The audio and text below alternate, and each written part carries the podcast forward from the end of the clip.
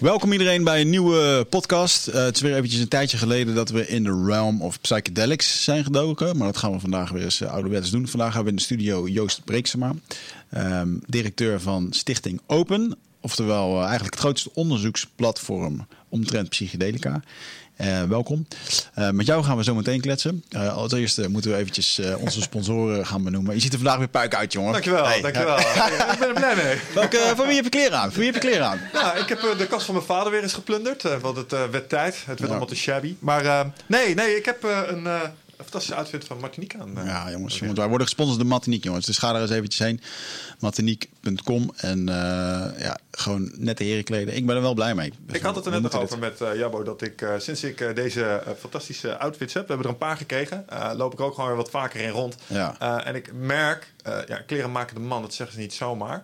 Ja. Maar ja, iedereen heeft natuurlijk de laatste tijd echt fucking veel tijd doorgebracht in zijn huispak. Ook met thuiswerken zo door COVID. En ik merk weer even het verschil uh, mentaal van in puiken kleertjes zitten. Zeker. Ik ben anders aan de telefoon. Ik zit anders in Zoom-gesprekken. Ik sta weer heel anders voor groepen.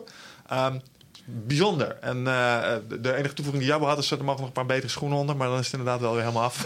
Nou, dat, doen we dan maar ik ben er blij mee, man. Dat doen we dan gewoon de volgende keer. Ja. Dan, uh, maar ik, inderdaad, ik zag, en ik zag jou... Uh, je had een veel spijkerbroeken gehad. Die heb ik niet gehad. Ja. En er, moet, er moet nog wat nageleverd worden. Maar van de week zat ik te denken... ja, shit, ik moet inderdaad toch eventjes... Ik was namelijk uit mijn spijkerbroek gescheurd onlangs.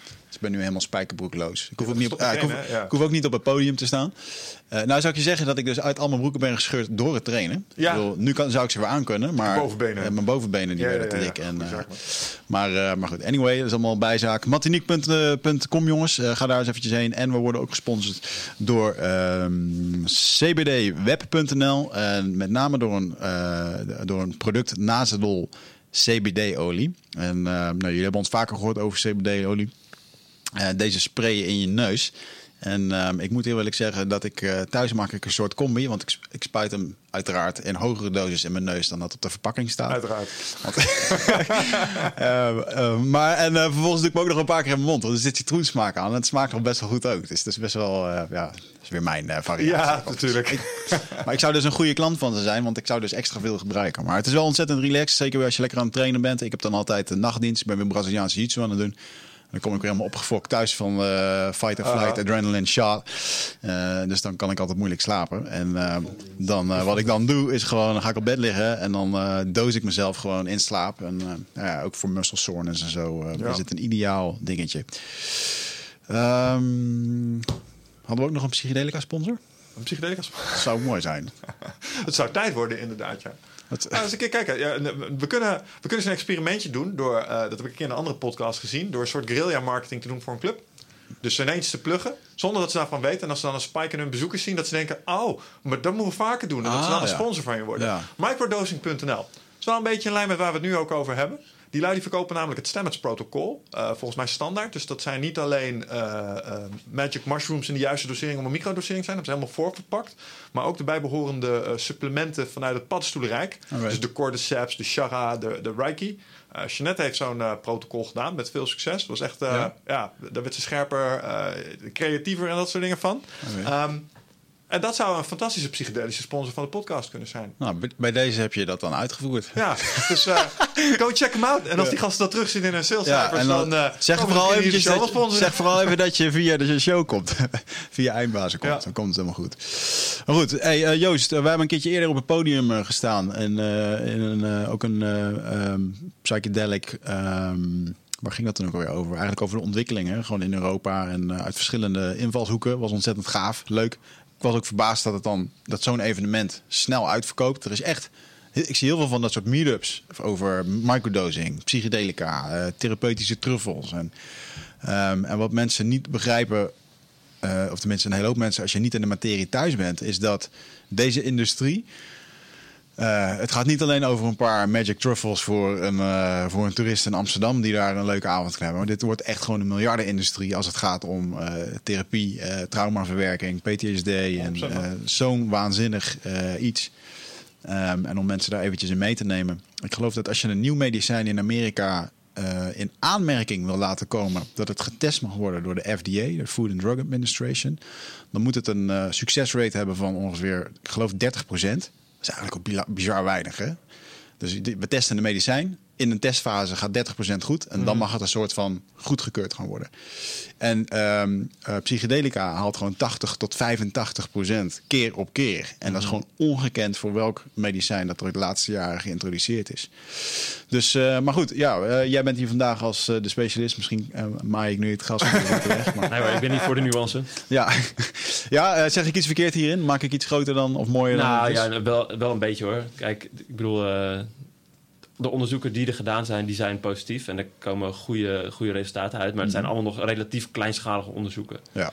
En, Kun je iets dichter op je mic kuipen? Ja, nee, natuurlijk. Ja, sorry. Ja, dat zijn relatief kleinschalige onderzoeken allemaal. Mhm. Eh, dus dat moet allemaal nog bewezen worden of dat ook in grotere populaties... en als het straks in de, in de wijde wereld terechtkomt, als het voorgeschreven kan worden... of die percentages dan ook nog zo positief blijven. Ja. Ja. En het zijn, het, zijn, het zijn echt daadwerkelijk, weet je wel, dat uh, percentage wat je noemde van 80%. Er is een studie gedaan naar uh, kijken of psilocybine kan helpen om mensen te helpen stoppen met roken. Mhm. Nou, dat, daar bleek na een jaar dat 80% van de mensen die deelnamen, van de 20 mensen die deelnamen, gestopt te zijn met roken. Mhm. Maar goed, dat is dan een studie waarbij iedereen wist wat ze, wat ze kregen. Mensen werden goed voorbereid op wat ze wilden, uh, op wat het effect zou moeten zijn. Ja. Dat kun je niet heel makkelijk vertalen naar een grotere groep mensen. En dan is ook maar de vraag of je die verwachtingen bij mensen uh, brengt. En het is dan ook nog in een protocol met uh, cognitieve gedragstherapie, met allerlei andere uh, stoppen met roken tactieken. Ja. of, je dat, of je dat percentage dan ook nog gaat ja, zien. Ja, ik, ik begrijp wel dat, um, dat ik het nu een beetje presenteer als de, de Magic Blue Capsule die straks vrijkomt.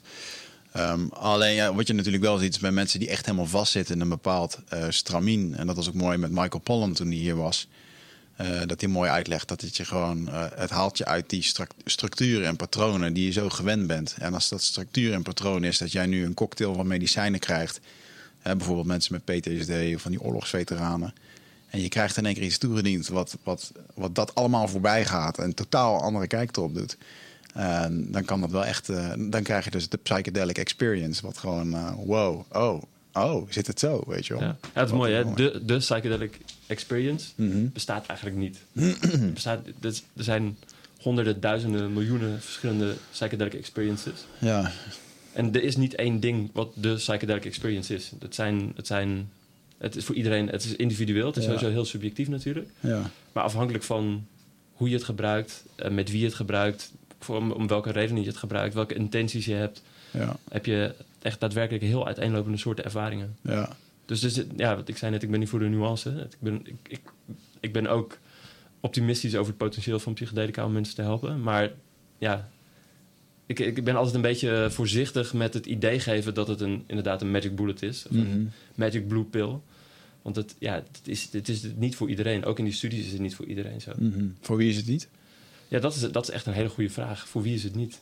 Het, zijn, het, het, kan zijn dat er mensen zijn die, uh, die heel erg vastzitten, uh, die heel erg, heel erg in hun controle zitten, die heel erg vastzittende structuren hebben, die daar bijvoorbeeld niet goed op uh, reageren. Mm -hmm. Want dat is wel, ik denk dat het een heel goed punt is hoor, dat psychedelica, en dan heb je het vooral over therapeutische toepassingen, mensen kunnen helpen om patronen, patronen te doorbreken. Ik denk dat dat iets is wat je ziet bij heel veel van de aandoeningen waarbij, waarvoor psychedelica onderzocht worden of mensen met, uh, met depressieve gedachten, die gewoon herhalende, herhalende negatieve gedachten over zichzelf of over de wereld hebben.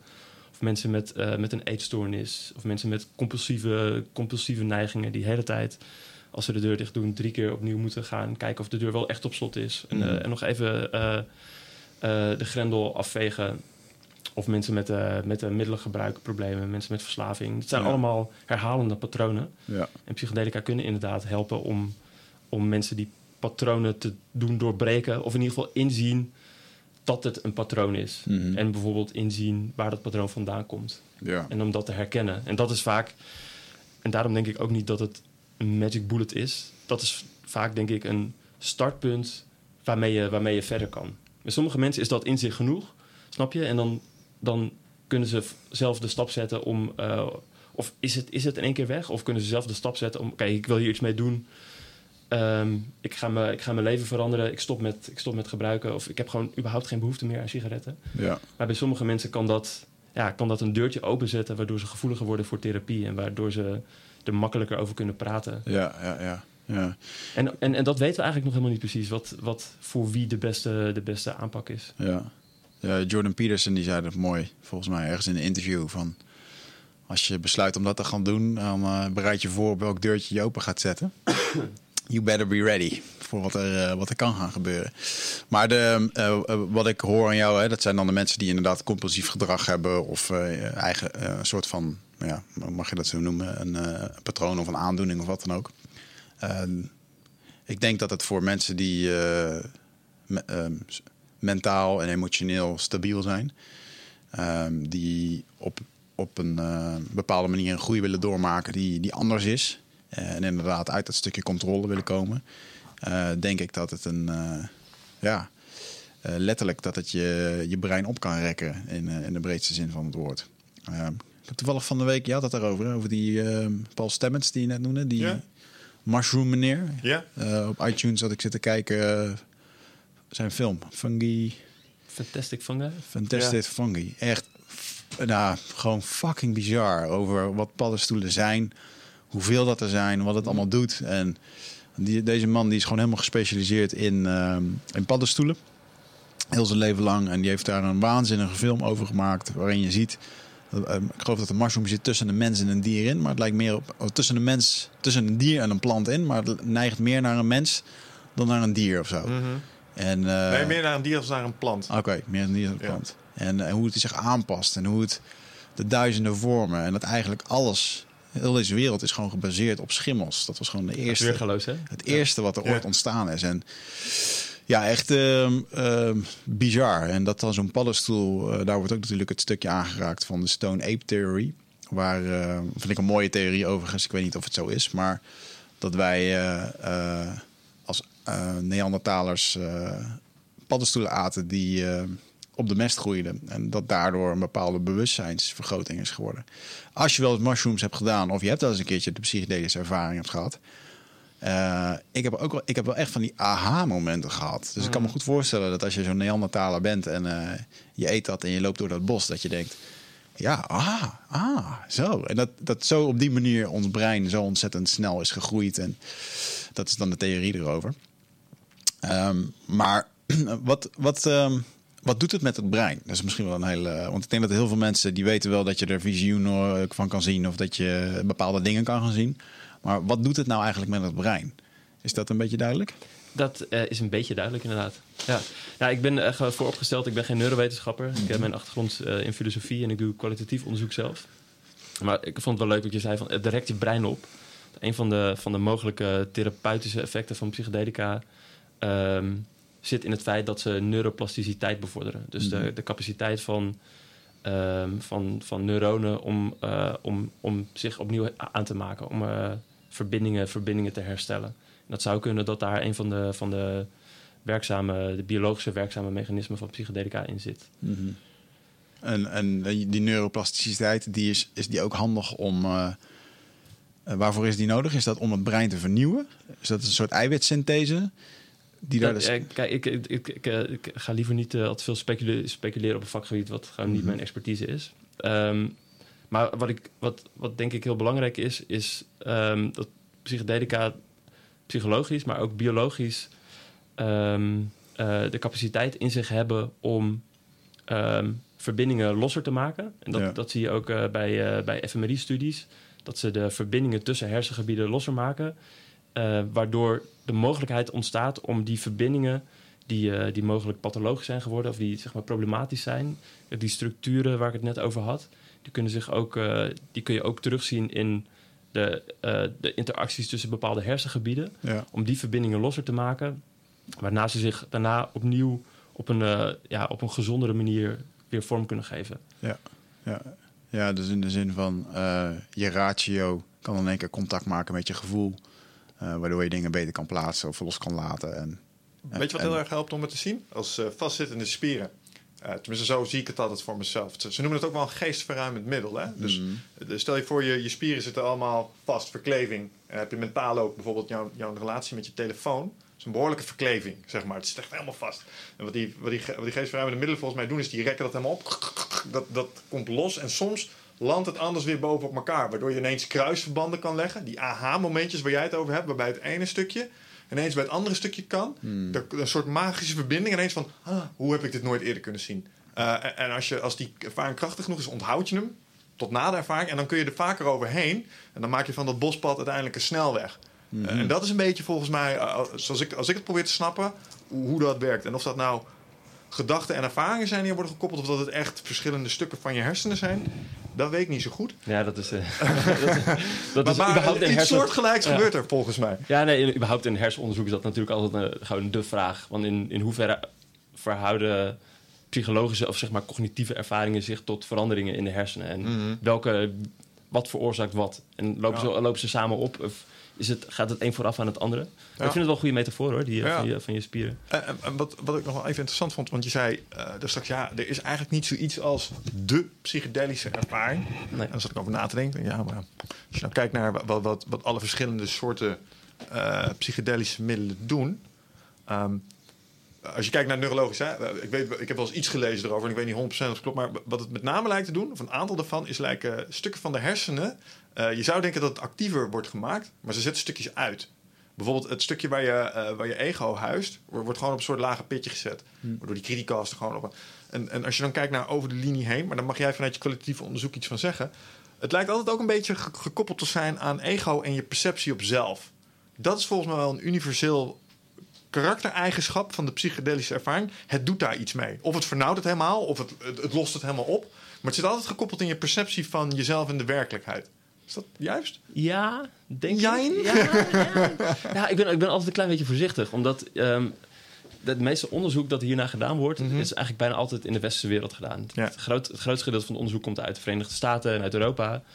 En uh, er is ook wel onderzoek natuurlijk naar ayahuasca in, uh, in, in, traditionele omgevingen. Mhm. Mm -hmm. Maar heel veel van de concepten die wij gebruiken, zeg maar wat je zegt, ego, wat, ze, wat, ze heel, wat heel vaak terugkomt, ego, ego-oplossing, ego-dissolution. Mm -hmm.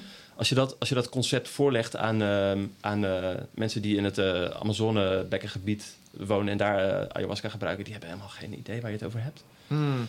Dus ik denk, Kijk, het zijn culturele constructs eigenlijk. Ja, absoluut. Ah. Ja. En uh, ik denk dat de psychedelische ervaring daar ook heel erg door bepaald wordt. Door, ja, kijk, ze ja, zeggen, ja, ik bedoel, dat is, uh, dat is een bijna, het is een beetje een trope, maar het is, het is, wel, het is wel echt waar dat de psychedelische, psychedelische ervaring wordt bepaald door de interactie tussen druk, set en setting. Mhm. Mm -hmm. Dus het middel dat je gebruikt, hoe je het gebruikt, de dosering, hoe je het toedient, zeg maar, of, je het, of je het snuift, of het slikt, of het eet, of het injecteert. Maar gewoon in minimaal net zo belangrijke mate, denk ik, door, je, door de, wat ze de set noemen. Dus je psychologische toestand, je, je, je persoonlijkheid uh, en de setting. En dat setting zijn omgevingsfactoren. En dat is maar, met wie je bent, zeg maar, Ja. de interpersoonlijke, maar ook de sociale en de culturele context waarin je het gebruikt. Uh, de mensen die, die erbij aanwezig zijn. Mhm. Ja, Um, en dat, ja, dat bepaalt voor een heel groot deel de, de, de ervaring die je hebt. Ja. En dus dat, dat psychedelica in zijn algemeenheid iets doen met je, met je zintuigelijke ervaring... en met je, met je emoties en met je, um, uh, met je denkvermogen, met je bewustzijn... Dat, dat is denk ik een gemene deler. ja, Maar dan verder, dat, verder dan dat te specificeren durf ik zelf eigenlijk niet. ja. Oké, omdat een van de frappante dingen die ik... Uh, bijvoorbeeld mijn eigen persoonlijke reis met psychedelica begon... toen ik een keer een rant... Die heb ik toen nog naar Wigert gestuurd... van Joe Rogan hoorde over DMT. Dat ik dacht, wat de fuck is dat? En toen ben ik daar eens ingedoken. En toen kwam ik op uh, Richard Stry of Rick Streisman uit... de Spirit Molecule. En wat ik zo frappant vond... was dat de, uh, de ervaringen... Je hebt, ik weet niet, Arrowhead ken je vast wel. Zeker. Ja, Arrowhead, ken je dat weer? Ja. Ja, dus daar kun je veel trip reports lezen. Dus uh, voordat ik dingen doe, wil ik graag even weten waar ik aan begin. Dus ik heb die Ja. trip reports zitten, zitten lezen. En daar zat een bepaalde parallel tussen de ervaringen die mensen gewoon vanuit hè, hun eigen psychonautische ervaringen thuis in ritualistische settingen. En wat Rick Streisman, uh, Streisman eigenlijk in een klinische setting, in uh, ja, nog net geen operatiekamer, zeg maar, uh, in combinatie met het toedienen van DMT. Daar zaten parallellen in. Want ze noemden het niet zomaar de spirit molecule, want het leek zo'n voorspelbare spiri- spirituele uh, ervaring op te roepen. En dat, dat ja, ik, ik snap dat het lastig is om te speculeren over de, over Ja, de linie van psychedelica. Maar Ja, dat is toch op zijn minst frappant, snap je? Dus dat als je set en setting eigenlijk compleet verschillend maakt, dat dan de uitkomst in een x aantal procent van de gevallen, hoog, ehm, toch overeenkomstig is. Ja. Ja. En is dat dan culturele besmetting misschien? Ja. Ja, nou, ik denk mo- mogelijk. Ik denk dat, eh, dat de, dat boek van Strass, Strassman, dat was, hij was overigens, hij was echt een pionier hè, in, heeft dat onderzoek in 95 heeft hij gedaan. Mhm. En eh, dat sinds zeg maar, halverwege jaren 60 tot, totdat, aan, totdat hij dat onderzoek uitvoerde, was er eigenlijk helemaal geen onderzoek. Dus hij is echt de eerste geweest die het zeg maar, gestructureerd, goed, goed uitgevoerd wetenschappelijk onderzoek naar psychedelica heeft opgestart. Uh, maar dat, volgens mij is dat heel erg invloedrijk geweest. En Ja. een, van zijn, een van zijn hypotheses, die is ook, dat is ook echt een soort meme op zichzelf geworden. Het feit dat, ehm, dat DMT, of de hypothese dat DMT eh, vrijkomt vanuit je pijnappelklier en dat dat een rol zou spelen bij, eh, bij, ehm, bij, eh, bij de dood, of Ja. bij bijna doodervaringen. Dat, dat was een van zijn hypotheses. Daar heeft hij geen enkel bewijs voor geleverd met zijn onderzoek. Helaas.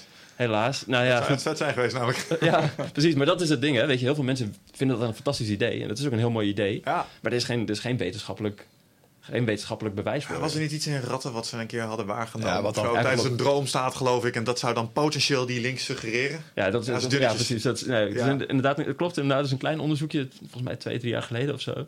Waarbij ze inderdaad zo iets van trace amounts van, van tryptamine in de pijnappelklier van ratten hebben waargenomen. Zoiets. Ja. Ik weet ook niet precies de conclusies meer, maar dat is al een hele grote stap naar het idee dat. eh, Ja. Maar goed, zeg maar dat, dat idee, maar ook de ervaringen die, ehm, die mensen hadden in dat onderzoek. Volgens mij hebben die ook voor. Je kan het, je kan het niet onderzoeken. Weet je, er zijn, dat, dat is een heel invloedrijk boek geweest. Heel veel mensen hebben dat gelezen. Gewoon toen ik begon, Ja, ja, ja. geïnteresseerd in psychedelica begon te raken, was het ook een van de eerste boeken die ik, die ik las. Dus je kan, je, kan niet, je kan niet onderscheiden of dat boek. eh, je, kan het niet, je kan het niet loszien, de ervaring van, eh, die mensen hebben, los van wat er in, de culturele, in het culturele collectieve bewustzijn zweeft. Ik snap wat je zegt, maar ik heb daar een jamaal. Mhm. Want ehm, en daar hadden we, eh, we hadden het toevallig voor de podcast over die eh, conspiracy podcast die Wig en ik hadden gedaan. Toen hadden we het even over, over de, de meest gekke psychonautische theorieën die er waren. En toen hebben we dit onderwerp ook even aangeraakt. Ehm, ik, heb, ik heb twee ayahuasca-ceremonies gedaan. eh, en daarna zat ik nog met wat vragen, zeg maar. Van wat heb ik nou in godsnaam allemaal gezien. En toen ben ik een aantal dingen ben ik gewoon gaan zoeken. Eh, en, en van een aantal dingen die ik heb gezien, snap ik 100% dat die maar zo in mijn onderbewustzijn zouden kunnen zijn gekomen door jarenlange conditionering van alles wat ook maar enigszins spiritueel is. Een of ander groot rad dat in elkaar grijpt. Zo, I get it, dat heb ik vaker gehoord. Maar er waren ook dingen die ik heb gezien en daar had ik nog nooit van gehoord. Maar die heb ik wel gezien. En, en toen ik terugkwam eh, en, en eens ging kijken, kwam ik op een website, de Hyperlexicon heet dat. En dat is een, een soort onderzoek, kwalitatief, ehm, naar alle ervaringen die er in de DMT-realm, via ayahuasca of gewoon, eh, ik zelfs Cambo wordt volgens mij ook meegenomen, omdat ze het gevoel hebben dat dat een beetje in dezelfde realm komt allemaal. Je- Je gaat een soort poort door en dan ben je ineens daar.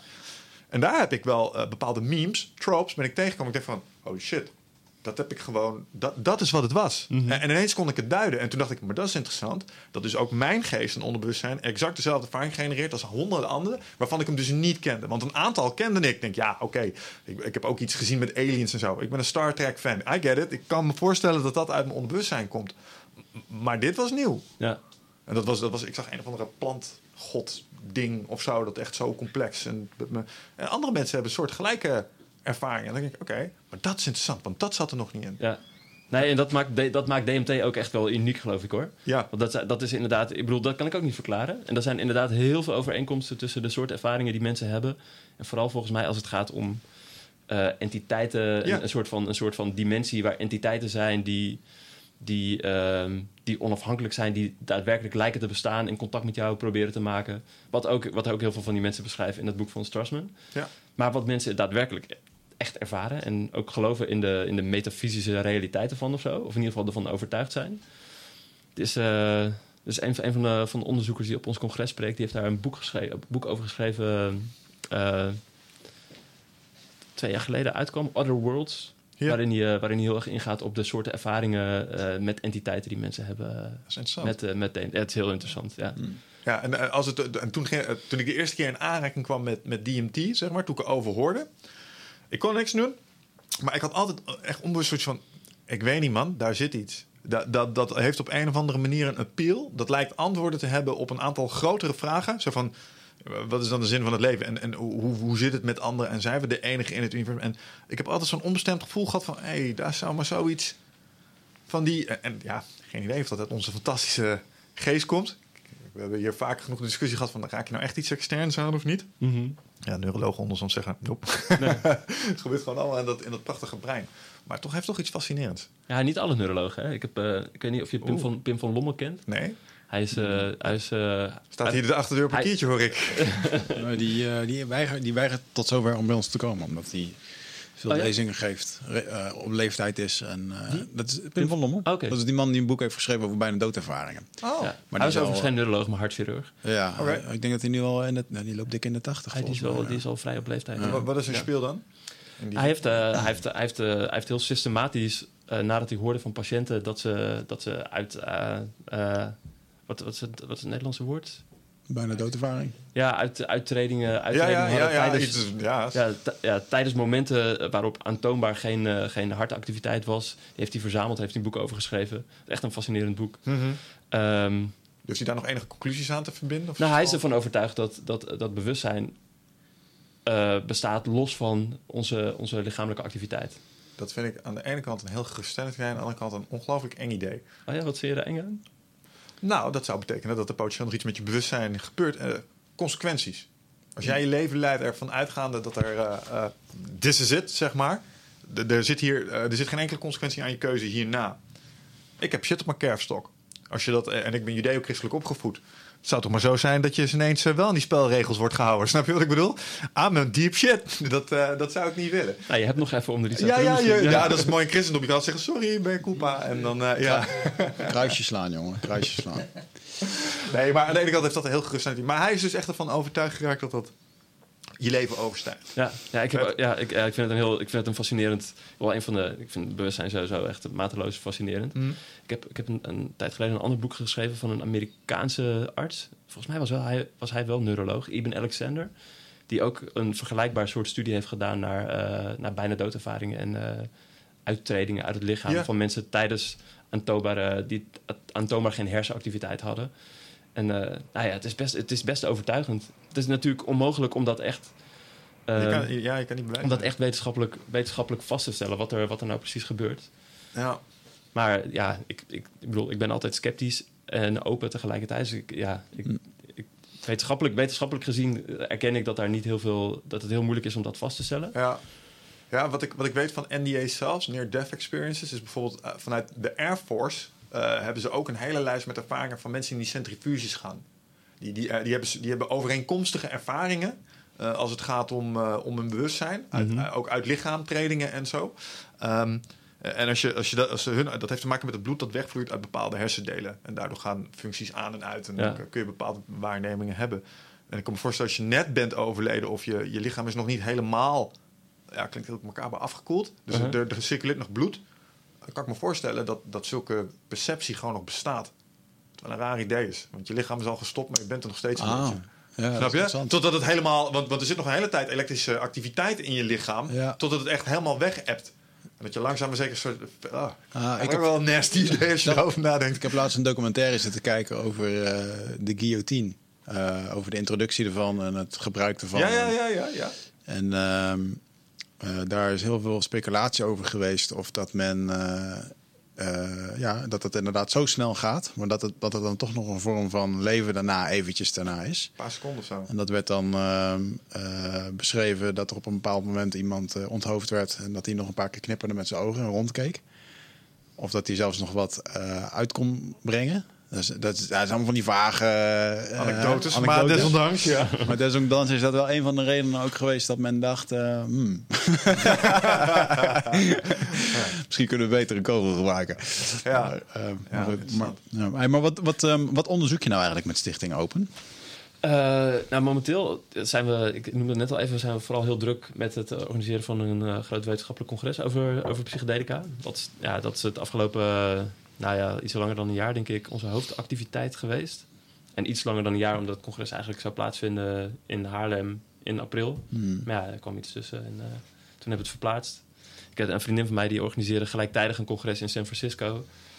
Hetzelfde weekend ook over psychedelica. En we waren de hele tijd aan het overleggen van... ja, moeten, wat moeten we nou doen? Zeg maar begin maart. Van. Ja.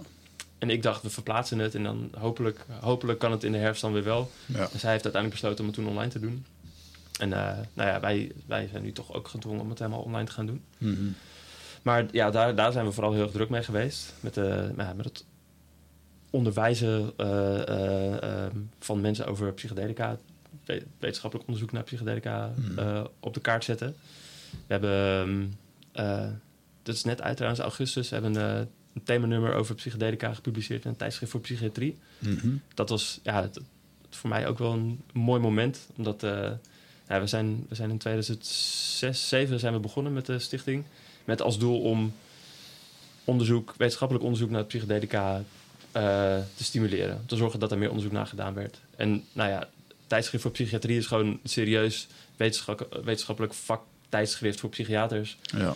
En dat die, dat die uh, het onderwerp interessant genoeg vinden om daar een heel themanummer over te maken. En dat gaat dan niet eens over psychiatrie, dat gaat ook over uh, ja, geschiedkundige toepassingen van psychedelica, epidemiologie, mm -hmm. filosofische reflecties daarover, psychologische werkingsmechanismen. Dat, um, ja, dat, dat, dat is uh, volgens mij een teken dat psychedelica echt goed midden in, de, in, de, in, het, in het bewustzijn van, uh, van onze samenleving beginnen te komen. Ja. Wat zijn filosofische reflecties die jullie hebben op het gebruik van psychedelische middelen? Rondom ethiek of? Nee, ja, nee als, het, als het momenteel, uh, of als het, ik weet niet of het per se filosofische reflecties zijn, maar wat een belangrijk, belangrijk iets is om op te reflecteren is, denk ik, momenteel van wat gebeurt er nou nu psychedelica zo bekend uh, mm -hmm. beginnen te worden. Want ja, een paar jaar geleden was het zo van, nou ja, ayahuasca, dat was inmiddels, dat zat wel, dat, dat stond allemaal in, uh, in dames tijdschriften en in de happiness en die bellen en de, nou ja, dat soort, dat soort, dat was echt een soort van subcultuur onder uh, gewoon gemiddelde burgers, denk ik. Hipsters, of dat, of dat hipsters deden dat. is, maar Ja, wat? Gewoon hipstercultuur geworden. Nee, nee, juist niet hipstercultuur. Het was juist best wel gewoon... um, mijn, moeder, mijn moeder zou dat kunnen lezen Oh, in, de, in de happiness. Ah, op, de- en, die eh, manier. Ja, ja. oké. Ja, ja, ja. Ja, dat was, en dat was, dan, maar dat was ook helemaal niet psychedelica. Dat was, dat was ayahuasca, dat is een spiritueel middel. Dat wordt helemaal geframed op een bepaalde manier. En eh, nou ja, met microdosing daar heb je weer een andere bepaalde subcultuur waar, waar iedereen dat kent. En eh, nou ja, met, met toenemen van wetenschappelijk onderzoek krijg je ook telkens meer media-aandacht over, over eh, de therapeutische toepassingen. Ja, Je zei in, in het begin al van ja, wondermiddel, het kan, het kan iedereen helpen, fantastisch. Maar ja, een belangrijke reflectie nu is denk ik van oké, wat hoe geven we dit nu vorm? Want dit, dit is allemaal out there en het is een beetje Ja. amorf en eh, iedereen weet er wat van. Maar hoe zorg je er nou voor dat je dit eh, op een veilige, veilige, verantwoorde manier kunt ja. inbedden in de maatschappij? Ja, het grote gevaar is dat we wel met z'n allen weer op een stuk ijs staan wat zo doorzakt als het er een keer fout gaat. Of, eh, het is mooi dat er zo'n renaissance is. Ja. Maar het gevaar van zo'n renaissance is ook dat het echt in één keer weer eh teniet gedaan kan worden door... Ja, eh, het probleem is, het trekt malafide actoren aan omdat het een eh, groeimarkt is. Dat zag je in de ayahuasca scene op een gegeven moment ook. In eerste instantie werd dat gerund door allemaal mensen die het beste en het fijnste met de wereld voorhouden. Die waren oprecht uit op genezen. En de shamanen die werden ook met die reden opgehaald. Maar we hebben zelf ook van dichtbij die scene mogen aanschouwen. En op een gegeven moment kwam daar ook een stukje winstbejag.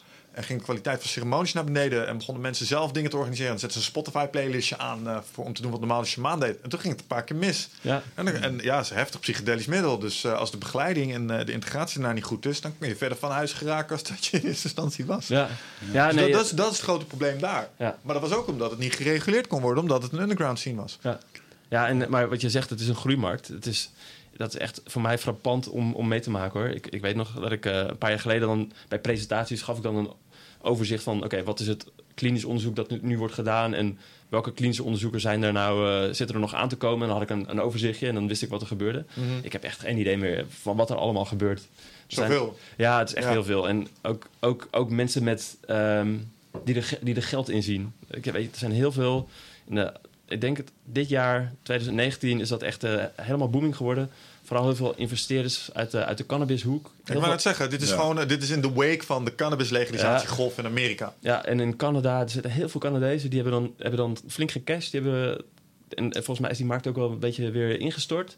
Die hebben gecashed en die zien nu in psychedelica de nieuwe cannabis. Ja. Ja. En dat, dat je gewoon vijf jaar geleden zou je ook niet hebben gezegd van dat psychedelica de nieuwe cannabis zijn. Alsof cannabis in één keer gewoon Ja, een enorme ja, markt. ja, ja, dat ja. gaat heel snel. En dat zijn allemaal mensen die, eh, die daar geld aan willen verdienen. En ik, ik zie dan prospectussen voorbij komen. Die worden me dan links en rechts gemaild. En op LinkedIn word ik dan toegevoegd door vage mensen. En dan kijk je en dat zijn dan inderdaad mensen, investeerders of mensen uit de cannabishoek. Of, ja.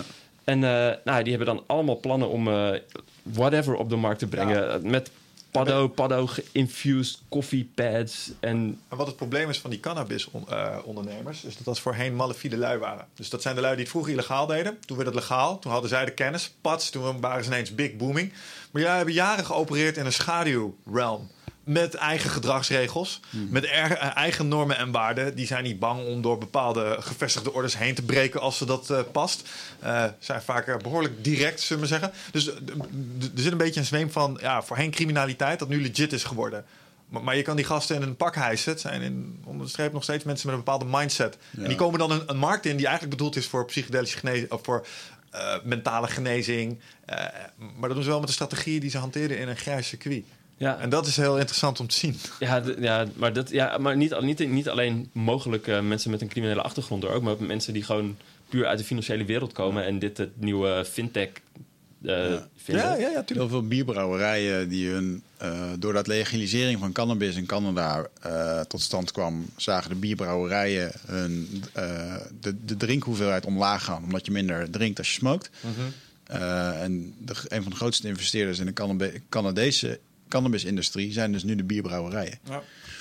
Fascinerend. Ja, Philip Ja. Morris. Die, Is Philip het- Morris heeft geïnvesteerd in cannabis. In de, Echt? Ja. Oh, bizar? Ja. Ja. Ja, die Ja, denken ook van, ja, oké, daar zit geld. Ja, Ja. ja. dat, en, En dat zijn niet, en het, het, probleem, het probleem is denk ik, dat zijn niet de mensen die ehm, eh, per se doorhebben hoe je, hoe je dit op een zorgvuldige, verantwoorde manier kan doen. ja. En die, als je, als je, als je principe winstmaximalisatie is, Mhm. dan hoe ga je ervoor zorgen dat, eh, dat psychedelica op een manier worden aangeboden die, die wel rekening houdt met het feit dat je mensen inderdaad moet voorbereiden op wat er kan gebeuren. Ja. En mensen moet begeleiden en mensen moet helpen met nazorg. En het- Nee, dan, dan gaat het we kijken gewoon... naar hoe dat ging met sigaretten? Ja, dan, dan gaan we, dan gaan we gewoon maar. kijken welke paddenstoel eh, er het meest krachtigst kan worden. En eh, weet je wel. Nee, ja, met, als, als met dit, minimale begeleiding, met in, een, in, een, in een soort van ruimte waar je zoveel mogelijk kamertjes naast elkaar kan. Ja. gewoon ja, de, de, horror scenario's die kun je, zijn niet zo moeilijk om je voor te stellen. Ken je Dennis Leary?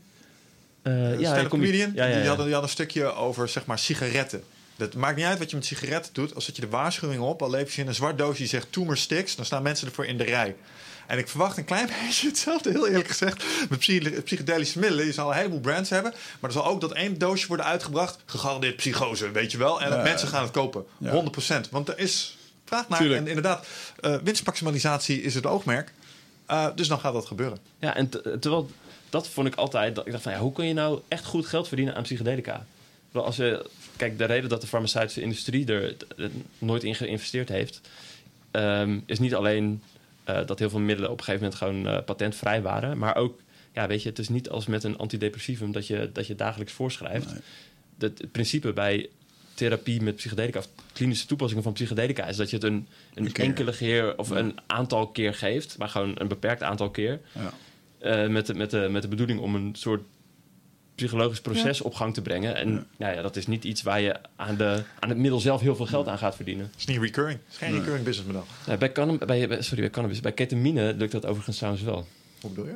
Nou, Janssen, die heeft, Janssen, een groot farmaceutisch bedrijf. ehm Janssen, die heeft een, eh, een neusspray van ketamine op de markt gebracht. Eh, Spravato. Dat is door de FDA-approval heen gekomen. Ja. eh EMA-approval. Ehm, dat, is, dat is hartstikke duur. Het is echt duizenden euro's eh, per maand kost dat om een, eh, een, om een neusspray met ketamine voor de behandeling van depressie ehm, eh, voor te schrijven. En kijk, het idee is ketamine is of dat, dat zit geen patent meer op. Maar wat je dan als farma- farmaceutisch bedrijf wel kan doen, is nieuwe toedieningswijzen. Ja, oké, oké. En dat zit nog Een nieuwe, een nieuwe blisterpack of nou ja, een, een neusspray was er nog niet. Daar Ja. moet je de aparte klinische onderzoeken voor doen. Ja. Dat, dat willen ze terugverdienen. En of dat, nou, of dat nou echt veel beter werkt dan andere toepassingen van ketamine. En of die, of die evidence base nou sterk genoeg is dat het echt. Hmm. Wat was dat? eh, ik weet nog toen wij op dat evenement spraken, toen werd dat ook besproken. Ik geloof dat er in eh, Prozac of in antidepressiva, daar zit een bepaalde stof in. Eh, en omdat het een natuurlijke stof is, kan het niet gepatenteerd worden. Maar om het toch te kunnen reguleren, heeft de FDA een bepaald bedrijf toegewezen van jullie mogen dit maken of distribueren. Zeg ik dat goed of niet? Weet je ik het over heb? ja ik, ik weet wat je bedoelt. Ja, waar, waar je het over hebt is eh, GMP, van Good Manufacturing Practice. Mhm. En dat, dat speelt nu ook bij psychedelica. En dat is ook, eh, ja, dat is ook een interessant fenomeen wat te maken heeft met, eh, met monopolies en met de dominatie van de markt. Ik zei echt begrippen die ik, die ik ook maar een paar jaar geleden echt niet in de nabijheid van psychedelica zou verwacht zou hebben. Nee. Ehm, maar waar, waar het om gaat is dat als je een middel wilt onderzoeken met als doel om het als medicijn op de markt te brengen, dan moet je dat, eh, dan moet je dat in het klinisch onderzoek toedienen in de vorm waarop je dat uiteindelijk op de markt wilt brengen. En dat betekent dat dat aan allerlei hele strenge eisen moet voldoen. Net als je, zeg maar, de paracetamol die in de drogist op het plankje ligt. Daarvan moeten ze precies weten eh, hoe lang de werkzame stoffen goed blijven. eh, onder deze vochtigheidsgraad, deze temperatuur, op deze manier van bewaren. Dus dat moeten ze dan ook doen als ze MDMA-capsules op de markt gaan brengen. Of psilocybine, psilocybine-pillen gaan drukken. Eh, overigens ook met de placebo's Mhm. voor die studies. En dat is een heel lang, eh, ingewikkeld en kostbaar proces vooral Ja. om dat, eh, om dat zo te maken. Dus op het moment dat ze MDMA gaan onderzoeken, moeten ze heel goed nadenken over... oké, welke doseringen gaan we geven? Oké, in het onderzoek, onderzoek naar MDMA ondersteunde psychotherapie doen ze nu, gebruiken ze nu 80 en 120 milligram. Mhm. En het slimme daaraan is dat je dat kan doen met pillen van 40 milligram. Dus dat kost minder geld, omdat je maar één soort pil hoeft te, eh, eh, onder, onder good manufacturing practices hoeft te onderzoeken. Dus Ja. Je hoeft alleen maar pillen van 40 milligram te slaan. Eh, en die moet, je dan, die moet je dan aan het hele proces onderwerpen. Mhm. En dat kan je wel patenteren. Dat proces van synthese kun je patenteren. Dus Ja. dan zijn er, er zijn dus bedrijven die GMP psilocybine ehm, ontwikkelen, die dat proces patenteren. Ehm, en wat, wat, wat daar ook nog ehm, eh, aan vastzit is, en dan gaat het weer over eh, zeg maar monopoliestrategieën. Mensen die psilocybine onderzoeken voor de toepassing bijvoorbeeld van depressie, die hebben afspraken gemaakt met dat bedrijf van oké, wij zijn de enige die dit van jullie mogen afnemen. Zij hebben een patent op die psilocybine. En als jij eh psilocybine ontwikkelt als medicijn voor depressie, ook al is psilocybine zelf patentvrij, dan heb je, dan heb je nog een periode van ongeveer zeven jaar van data exclusivity noemen ze dat. Ja. En dat, voor, dat, dat helpt farmaceutische bedrijven met het ontwikkelen van medicijnen waar ze, die ze niet kunnen patenteren. Anders zouden ze het nooit doen, want dan heb je het ontwikkeld, heb je het bewijs geleverd, heb je daar 30 miljoen in gestoken en dan eh, mag iedereen het generiek maken. Ja. Dus dan mogen zij, het bedrijf dat het zeg maar, naar de eindstreep brengt, mag dat dan nog zeven jaar lang. ehm, zij zijn de eigenaar van dat product. Dus als je dat wilt voorschrijven, moet, dat met, voorschrijven, moet je dat met toestemming hebben van het bedrijf dat dat ontwikkeld heeft. Hmm. Ja, wazig. Dan wordt het toch een soort van... eh, met aspirine is dat volgens mij ook zo, hè?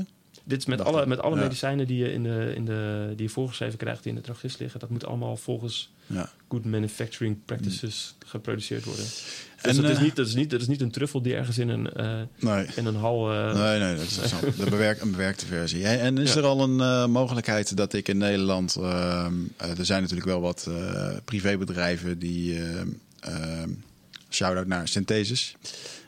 die dat doen, therapeutische therapie. Ehm, maar kan ik al naar de huisarts gaan en iets op recept halen in deze categorie? Nee. Of nog niet? Nee, er is ja, nou, ketamine. Ketamine, maar goed, ook ketamine wordt, wordt alleen nog off-label voorgeschreven door een aantal academische, academische ziekenhuizen en GGZ-instellingen.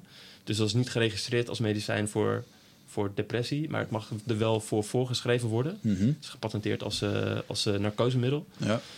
Uh, maar los daarvan is er nog geen enkel middel dat, uh, dat de eindstreep van klinisch onderzoek heeft gehaald en door de, door de geneesmiddelenautoriteiten. Je hebt inderdaad, je zei al, de FDA in Amerika en je hebt in Europa heb je de European Medicines Agency, de EMA, die dat hebben goedgekeurd. Hmm. En NDMA is nu het dichtste bij.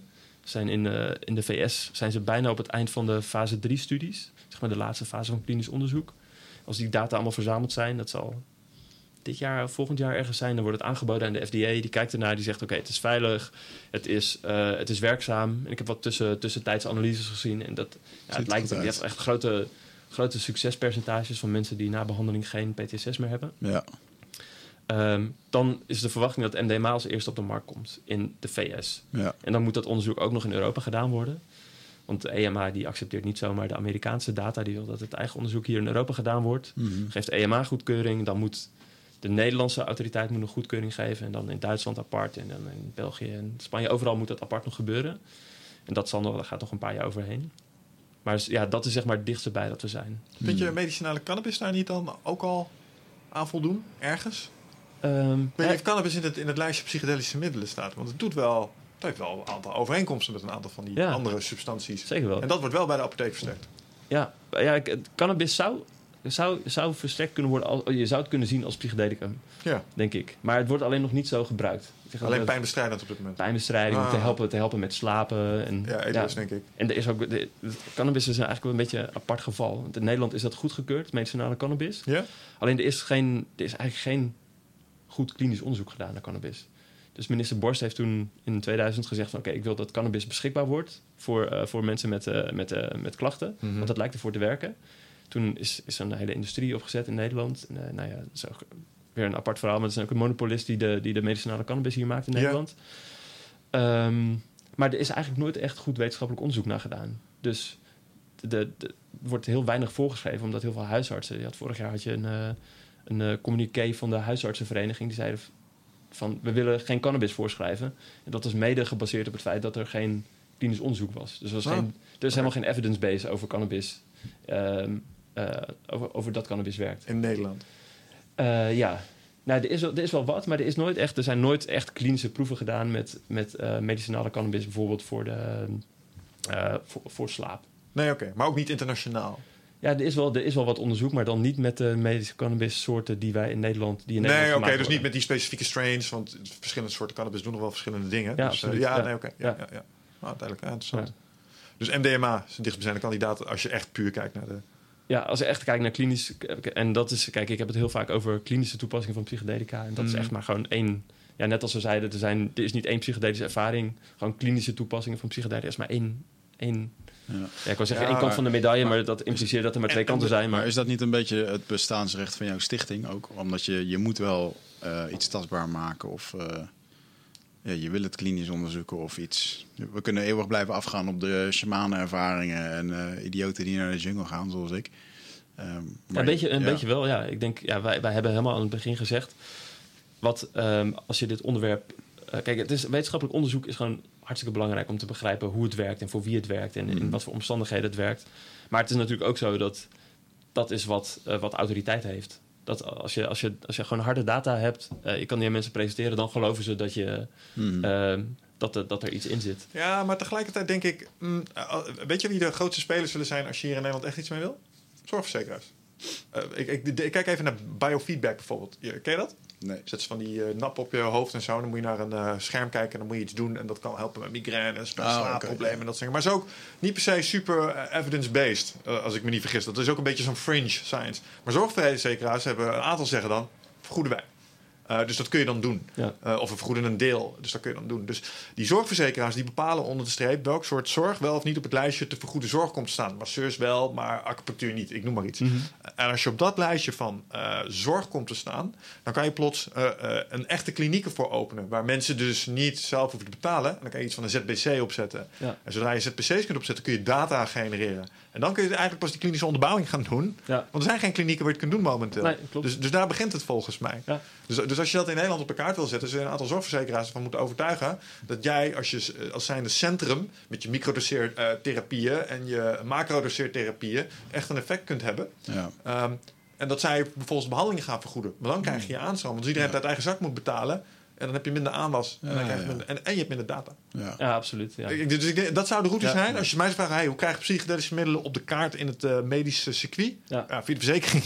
Ja, Ja. nee, ja, absoluut. Ja, uiteindelijk, dat is, dat is ja. super belangrijk. En dat, maar daar heb je wel data voor nodig natuurlijk. Je hebt de wetenschappelijke data nodig om mensen te laten zien van oké, dit werkt. Ja. En uiteindelijk voor zorgverzekeraars, ik denk dat je, dat echt een heel terecht punt is, is belangrijk van oké, is dit een is dit kostenefficiënt? Als ik, als ik mensen nu, want de therapieën zoals ze nu worden ontwikkeld, zijn, uh, zijn best wel, uh, uh, kosten best veel geld. Weet je Ja. wel, over het algemeen zijn het behandelingen waarbij je een hele dag met 3000. twee therapeuten. Makkelijk 3000 euro per behandeling. Ja hoor, Dat, ja, dat, is, dat is een, dure behandeling. Ja. En dan uh, voorzorg, nazorg. Mhm. uh, nou ja, dat is wel duur. Maar Ja. als je dat afzet tegen alle...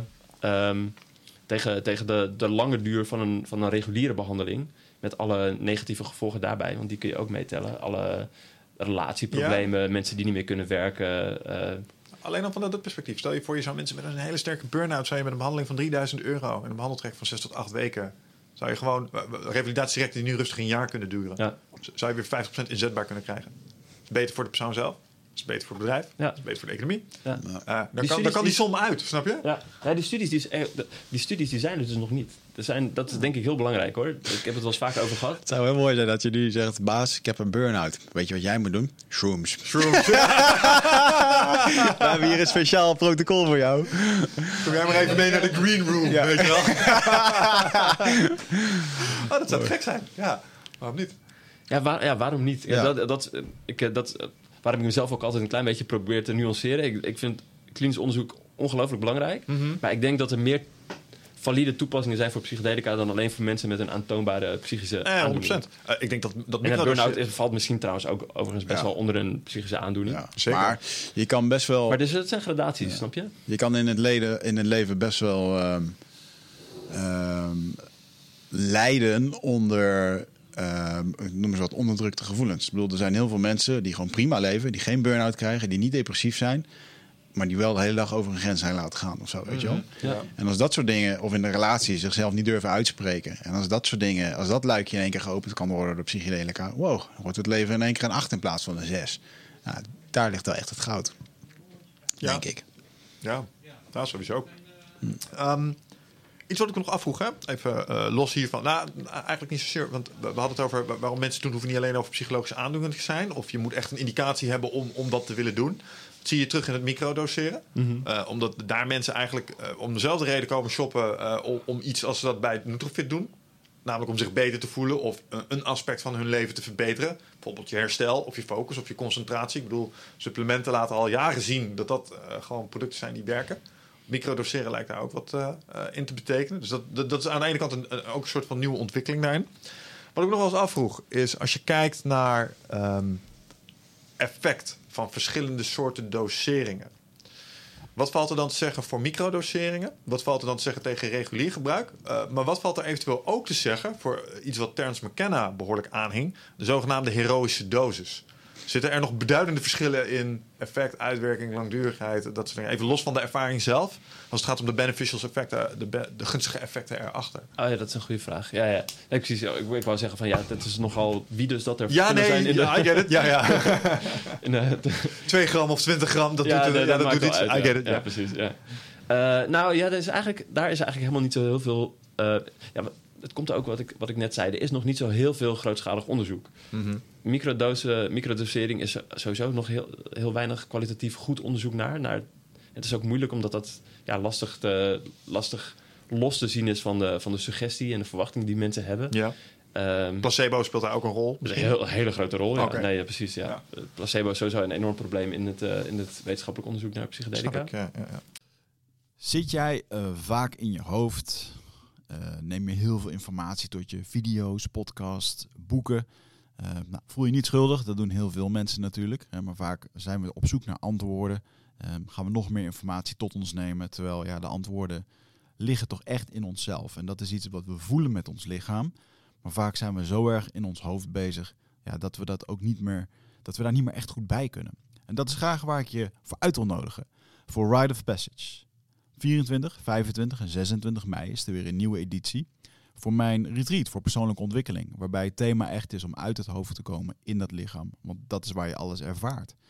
En ik wil dat je gewoon weer in contact komt met, met die, die intuïtie. Ehm, en dan gewoon een heel sterk eh, innerlijk kompas. Dat je gewoon weer weet waar je naartoe moet. Wat je te doen staat. En dat je gewoon weer helderheid hebt over wat je wilt en hoe dat je dat gaat doen. En dat doen we middels eh, bio-energetische oefeningen, dynamische meditaties, een stuk shamanisme zit erin. Het enige wat er bekend is van het programma is dat er een zweethut in zit. Eh, en natuurlijk gewoon hands-on persoonlijk leiderschap. Eh, dit retreat krijgt een 9,2 gemiddelde van meer dan 331 deelnemers. Daar ben ik ontzettend trots op. Sterker nog, er is ook een money back guarantee. Vind je niks na drie dagen, krijg je gewoon je geld terug. Dus het enige risico dat je loopt, is dat je gelukkiger wordt. Klinkt dit als iets voor jou en durf je het aan? Dan zie ik je op Ride of Passage. Ga naar wichertmeerman.nl en klik op Retreat. Ehm, ja, ontegenzeggelijk. En, en gewoon als je kijkt naar de geschiedenis van therapeutische toepassingen van psychedelica weer, dan had je, dan had je wel echt twee scholen. Je had de school, de, de psycholytische school. Dat was meer vooral de Europese, eh, beetje de, de, beetje de, de Duits georiënteerde, Duits-Zwitserse school. Die eh, waren meer van regelmatige medium dosis psychedelica om een soort van psychologisch, psychodynamisch proces in gang te zetten. Ehm, Het is je onderdrukte frustratie Ja, dat je wil seksen idee. met je moeder. Die school. Nou, die school, Ja. soort, soort van kort door de bocht. En je had de Amerikaanse, en dat is natuurlijk ook een typische Amerikaanse school van... Bam, hoge dosis, 500.000 microgram LSD, mystieke ervaring. Ja. Gewoon in één keer transcendent door alles heen breken. Eh, en dat is, dat, is het, eh, dat is hoe het werkt. En ja, die twee scholen die, eh, dat, die waren vooral heel prominent in de jaren 50, 60. Ja. En nu is het, zit het een beetje ertussenin, heb ik het idee. Mhm. de, de doseringen die ze met klassieke psychedelica gebruiken, dus met psilocybine en LSD, dat zijn Mhm. allemaal een beetje ehm, wel echte dosissen, geen megadosissen, maar ook geen, ook geen medium dosissen. Nee. En Nog om een doorbraak in ieder geval te ja, en vooral ja, nou ook weer in Amerika zijn ze, zijn ze heel erg gericht op het bewerkstelligen van mystieke ervaringen. Dus, en mystieke ervaring is een soort van alles overweldigende ervaring van, die gepaard gaat met een gevoel van eenheid, eh één worden met alles, met je omgeving, eh, liefde, eh, het gevoel dat het een echte, een echte ware ervaring is. Mensen die oplossen in de kosmos, God ontmoeten. Maar de, een soort van piekervaring waarvan ze zeggen van oké, die is nodig voor de therapeutische effecten. Ja. En dat zien ze dan ook in die studies. Vooral bij Johns Hopkins doen ze heel veel onderzoek daarnaar. En dan zien ze dat ook terug. Maar er zijn ook allerlei studies waar ze dat niet zien. Hmm. En waar mensen wel gunstige uitkomsten hebben. Ja, het, het idee is, we, we schoppen je zo ver die kosmos in... dat je echt... eh, dat je, je wordt zo geraakt in alles... dat je dat nooit meer kunt vergeten. En dat zal ervoor zorgen dat jij je gedrag structureel gaat veranderen. Omdat je nu een ervaring hebt waar je naar kan terugkijken... die nooit meer wordt uitgewist. Ja, Dat. ja, ja bijvoorbeeld. Maar ook de, de, de betekenis daarvan, die verschilt dan ook weer per, eh, eh, voor mensen. Hoe bedoel je? Nou, bijvoorbeeld, bijvoorbeeld ehm, mensen die. eh, dat hebben ze. eh, zijn een paar hele mooie interviews, video-interviews met mensen die, ehm, die aan die studies hebben meegedaan. Die, eh, die een terminale ziekte hadden, die kanker hadden. En die psilocybine kregen en een mystieke ervaring hadden. En heel erg ehm, geraakt werden door het feit. Dat, waar we het eerder over hadden, dat ze de ervaring hadden. Als ik doodga, houdt mijn bewustzijn niet op. En dat is oké. Ja. En dat was, dat was voor hun genoeg om te zeggen: Oké, weet je, ik ben mijn angst kwijt. Ik, ik, ik, ik, spendeer mijn resterende tijd die ik nog heb met mijn familie en alles wat belangrijk is. Hmm. En eh, andere mensen die hebben bijvoorbeeld ook zo'n een, eenzelfde soort ervaring. Die bereiken hetzelfde, dezelfde, dezelfde piek. Maar die zien, zichzelf, die zien zichzelf als heel nietig. En zeggen van, ah, als ik nietig ben, dan zijn mijn problemen ook nietig. Waar doe ik... Die kunnen het, heel- relativeert, die kunnen ja. het heel erg relativeren, inderdaad. En die, die nemen dat gevoel mee als ze weer, als ze weer te geland zijn. En die worden natuurlijk daarin geholpen van... oké, hoe, hoe, hoe bed je dat dan in in je leven? Ja. Maar was, was, dat, was dat aspect eraan voor hun weer heel belangrijk? Gaat het ook wel eens de andere kant op? Ja, tuurlijk. Ja, nee, dat kan heel Dat goed. mensen zeggen, oh shit, nee, we moeten dit zo lang mogelijk rekken, want eh ain't good. Want, want je hebt de, de zogenaamde bad trips, maar d- d- Zeker. dat was altijd het schrikbeeld. Maar inmiddels heb ik ook geleerd, bad trips zijn vaak lessen waar je tegen verzet. Ja, ja dat, is absoluut, dat is absoluut waar, denk ik. Ja. En dat is eh, heel vaak, als je, als je het mensen vraagt... ehm, als, ze dat, als ze een moeilijk punt hebben... en ze, heel vaak heeft het inderdaad te maken met verzet... dat mensen iets niet willen toelaten. Als het lukt om dat te accepteren... dan transformeert heel vaak de ervaring... en zien ze dat achteraf als heel waardevol, als heel leerzaam. Ja. En herkennen ze daar ook iets in eh, vanuit hun dagelijks leven bijvoorbeeld. Maar ja, het feit dat ik me hier zo tegen aan het verzetten was, komt omdat ik in het dagelijks leven ook heel erg, heel erg de controle wil vasthouden. Mhm. En toen ik dat losliet, had ik in één keer het vertrouwen, toen had ik in één keer de ervaring dat het goed kwam. En dat het, dat het oké is om af en toe los te laten. Dus Mhm. misschien kan ik dat in mijn dagelijks leven ook doen. Ja.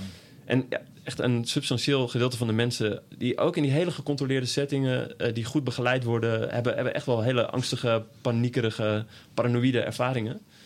Ehm, maar ik, ik, ja, vooral het belangrijkste bij die, bij, die, eh, bij die studies is dat dat, dat negatieve gevoel beperkt blijft tot de, tot de ervaring zelf, dus tot de sessie zelf. Dus dat het niet iets is dat mensen meenemen Ja. eh, als ze de deur uitgaan. ja, Ja, want dat kan ook waarde hebben. Hè? dat is dat, precies. Ik denk dat het heel veel waarde kan hebben. Ja, die integratie daarna is gewoon zo belangrijk op zo'n moment. Ja. Wat is Ja, nee, ik moet even teruglachen. Ik zat, ik zat even de laatste keer dat ik mushrooms deed thuis. eh, gisteren? toen, wilde, nee, toen wilde ik inspiratie voor de kaf van mijn boek. dus eh, eh, mijn vriendin zat boven, ik zat gewoon beneden. en eh, toen deed ik op een gegeven moment mijn ogen dicht. En toen, eh, om een of andere reden, eh, had ik het gevoel dat ik dat gevoel dat je valt, weet je wel? Ja, ja, ja, Van Dat ik 70 meter naar beneden viel in een of andere, nou je zei het net al, opgelost in de kosmos. En dan 70 meter naar beneden vallen. En dat ik echt de bank vastpakte om een soort van controle te hebben. Zo van, ik ben er wel, maar en, het is inderdaad als je dan gewoon, als je dat in dat moment kan realiseren van oké, ehm, ik zit gewoon op de bank, maar ik ben wel aan het vallen, dan, ja, dan go, transformeert man. dat heel snel. Ja. En ik ken zeker, eh, ik heb het zelf gelukkig nooit gehad, maar dat komt misschien omdat ik, nou is trouwens niet waar. Ik heb ook echt wel momenten gehad dat ik eh, eh, in de jungle was. Er was wel een heel eng moment dat ik een hele erge angst voelde. En dat was mijn kinderlijke angst. En het was dan ook een ritueel om als het ware je in te wijden in het spirituele. Wat de Indianen doen als je van jongetje naar man gaat. Dus ik in dat hele ayahuasca gebeuren moest ik daar mijn kinderangst kwijtraken. En uh, daar, moest ik, daar, moest je, daar moest ik van, van die psychedelica, van die ervaring, moest ik daar wel doorheen. Dus ik heb die angst echt tot in de botten gevoeld. En dan, uh, dan kan het echt heel erg eng zijn. En, dan, en ergens komt er dan een moment dat het, dat het minder wordt. En dat je dan denkt, oké, we hebben het nu gehad. En dan lost het soort van op. En dan, dan, heb, dan heb, je in één keer de, de, wijze les van... Ah, ah, dat was dat, weet je wel. En dan maakt het niet meer uit dat je vijf minuten geleden aan het gillen was op de grond. Ja. dus hoe, dat, uh, hoe, vind jij in dat kader de benadering van uh, uh, de shamaan? we hebben hier tweetal shamanen hebben geïnterviewd. Mm -hmm. En die vertellen ook wel iets over de, de, reis die je aangaat in een psychedelische trip. En ze zeggen, ja, je moet altijd eerst laag gaan. Um, uh, voordat je naar de hoogtes kunt opstaan, dus kunt ontstijgen. Maar je moet altijd even die spreekwoordelijke onderdeel door. Dus altijd even wat werk te doen. Ze noemen dat ook niet zomaar. Hè, ze, zeggen zo, do your work, het is werk. Ja. Je zit hier niet voor de kleurtjes uh, nee. aan de bak jij. Nee, nee, nee. Um, is, dat, is dat universeel binnen psychedelische middelen of is dat iets typisch ayahuascaans? Uh, ik, denk, nou, ik denk dat die mensen dat heel goed doorhebben. Dat, uh, dat, dat, dat, je, dat, dat, het, dat, het werk, dat het hard werken is. Ja. De psychedelica zijn niet per se leuk. Kunnen ze wel zijn. Maar als je, als je er iets uit wil halen, dan nou, weet je, het, het, het, vergroot, het is echt een vergrootglas. Er kunnen allerlei dingen die onbewust spelen, die je misschien ook helemaal niet door hebt. Of, hmm. uh, nou ja, ik, sorry om nog even in te gaan op jouw anekdote van net. Het kan heel goed dat je denkt van, oké, ik wil inspiratie opdoen voor de cover van mijn boek. Maar uh, je, je neemt psychedelica en in één, keer, in één keer komt er iets naar boven dat je denkt van... fuck, ik doe, ik doe iets niet goed in mijn leven. Ja, en je wil daar eigenlijk helemaal niet mee bezig zijn. Nou, sterker nog, daar werd ik... Uh, dat was grappig. Ik ging daar vol in voor dat. en uh, ik had al in mijn achterhoofd van... oké, ik ga het boek zelf uitgeven. Dat kost gewoon 20.000 euro. op de manier zoals ik het doe. Um, en ik weet nog dat ik in één keer zag ik wel een soort van: oké, nou, dit wordt dan een soort van de, de boekcover. Maar het ging al heel snel naar dat gevoel van: hé, maar je bent nu allemaal leuk bezig met het boek uitbrengen en zo. Maar je bent wel echt even iets aan het ontlopen. Een soort van: eh, okay, hoe ga je dat dan doen? Er moet wel wat voor gebeuren, er moet er geld voor komen. En, en toen, voelde ik in één keer dat. dat, dat uh, ja, dat is misschien nog wel een patroontje voor mij dat ik dan niet wil kijken naar, naar dat. Want ja, dat doet zeer, want het kost straks geld, daar moet nog wat voor gebeuren. En je bent nu wel lekker allemaal dingen aan het dromen, maar uh, uh, en dat, dat ik echt een soort van beduust gevoel eventjes had ook in die sessie van ja, ja fuck, dit wilde ik eigenlijk helemaal niet. maar je hebt wel gelijk, weet je wel. Ja, ja dus uh, ik herken wat je zegt daarin. Ja. Ja, en dat, dan, ik ben nu jouw vraag alweer vergeten, maar... Het is oké. Want je zei van uh, het feit dat je aan de bank vasthield hè, om niet te willen vallen. Mhm. Ik denk dat dat een heel mooi voorbeeld is van het belang van begeleiding. Want als je, als je iemand naast je zou hebben zitten. Uh, en ik denk dat ik, ik heb het idee dat jij ervaren genoeg bent om daar, om daar zelf mee om te kunnen gaan. Maar ik denk dat voor heel veel mensen dat het heel belangrijk is dat je iemand naast je, naast je hebt die op zo'n moment zeg maar, even een hand op je schouder kan leggen. Of oh, zeggen van ja. het is oké. Ik, ik zorg ervoor dat je fysieke lichaam oké is. Laat, het, uh, laat het gaan. Je, hebt, je hebt een mantra in, uh, uh, in mensen die, die mensen begeleiden, therapeuten, gidsen, wat je noemt. Zeggen trust, let go en be open. Mm -hmm. En die mensen die je dat gevoel kunnen geven van het is oké, heb vertrouwen, laat het los, wees open voor alles wat je tegenkomt. Dat, ja. dat is denk ik cruciaal in het en ervoor zorgen dat mensen veilige, veilige ervaring ja. hebben. Ja, ik weet voor mezelf dat ik heel makkelijk in die realm kan zitten waar het echt, uh, waar, waar, het niet leuk is, waar het pijn doet of waar het moeilijk is. Uh, en dat ik daar middenin kan zitten en dan toch kan denken: oké, ik zit er nu in omdat ik hierin moet zitten. En ik kan, dat heel, ik kan heel makkelijk opereren in die realm van, uh, van dat. Dus zelfs in de ervaringen die ik net beschreef. Uh, ja. Ik heb ook wel eens een keertje een sessie gehad. Dat deed ik toen met een maat van me. En in één keer, ik had toen nog wel wat liefdesverdriet. En dat ik in één keer begon, ik, begon ik echt onwijs te huilen. En, ehm, en hij deed voor de eerste keer. Ik denk, ja, zit je zorgen maar over hem, weet je wel. Maar ik kon echt dat liefdesverdriet kon ik echt als een soort van bal kon ik dat voor me houden in mijn handen. Dus ik zat ook echt zo met mijn handen alsof ik echt iets tastbaars vasthield en, en dat op die manier kon verwerken en, en dat dan ook aan hem kon uitleggen. En, uh, uh, maar ik, ja, ik snap heel erg goed uh, dat het, doe dit alsjeblieft met begeleiding. Ja. of met iemand die, die nuchter is, wat natuurlijk wel, wel fijn is. we, we, hebben het toen um, gezien in de ceremonie met Don José... dat op een gegeven moment een klein beetje de paniek uitbrak... omdat iemand het heel zwaar had. En die, die greep naar de lichtknop. En ineens was twaalf man een klein beetje in paniek. En dan zijn er twee shamanen zijn heel druk om, om wat zij dan de kamerhouder noemen. Mhm. Die brengen de sfeer meteen weer terug naar... Hey, Ja. jongens, zitten, Ja. rustig, haal adem. Want ik dacht even, wat gebeurt hier allemaal? Weet je wel? ja, je zo en dan is het echt super fijn dat er mensen zijn die, dat, die, dat, die daar ervaring mee hebben. En, en want hun energie op zo'n... Als zij ook in paniek waren geraakt, dat was klaar voor mij. Dat was gewoon klaar geweest. Maar zij hielden hun kop koel. En eh, dat heeft het toen wel gemaakt. Maar dat, dat is ook wel weer, dat vind ik dus weer, dan zit je in zo'n groep. En eh, die afleiding die je daarin hebt, heb ik ook wel eens ervaren als een soort van houvast. Terwijl wat ik Ah, nu het liefste Ja. doe, is. eh, Vroeger zet ik ook muziekjes op en dit en dat. En het, eigenlijk, het liefste wat ik nu doe, is een donkere kamer, niets, geen muziek, gewoon die mushrooms. En ga er maar zitten, weet je wel. Zie maar wat je op afkomt. Geen, geen afleiding, hooguit een kaars of zo, weet je wel. Een soort van dat je nog wel weet dat je in een kamer bent. Dat is Eh, volgens mij het McKenna-protocol. Dat is het McKenna-protocol, Ja. ja. Maar dat, daar ga ik eigenlijk het beste op. Gewoon, Ik- eh, hebben, jullie, hebben jullie het boek gelezen van zijn broer? Dennis. Ja? McKenna. Ik The Screaming, eh, The Screaming Abyss? Nee. Nee. Hij, hij beschrijft daar op een gegeven moment... Aanmoedigende titel, by the way. Ja, nee, The Brotherhood of the Screaming Abyss. Eh, het is boek, geloof ik. Ja. Nou ja, als je die eerdere boeken hebt gelezen over hun ervaringen... eh, die ze samen hebben gehad in de La Chorrera en de jungle van Colombia, dat is bizar. dat is wel... Ja. Nee, dan snap je wel, er zit wel iets van eh, iets gestoords in. Maar hij, hij, hij beschreef... Volgens mij weet ik dan niet, niet genoeg over hun ervaring op zich. Ik weet dat ze balls diep zijn gegaan, maar... Nou, zij zijn naar de jungle gegaan als eerste, ik denk in 65. of Ergens- nee? Ergens, ergens, Ja, ergens. Zij zijn gewoon eh, naar gewoon Indianenstam gegaan. En in die tijd was dat ook nog niet helemaal veilig en zo. Maar op een gegeven moment eh, gewoon daar naartoe gegaan. En dat hij ook echt beschrijft dat... Ze waren eh, eigenlijk op zoek naar ayahuasca, hè?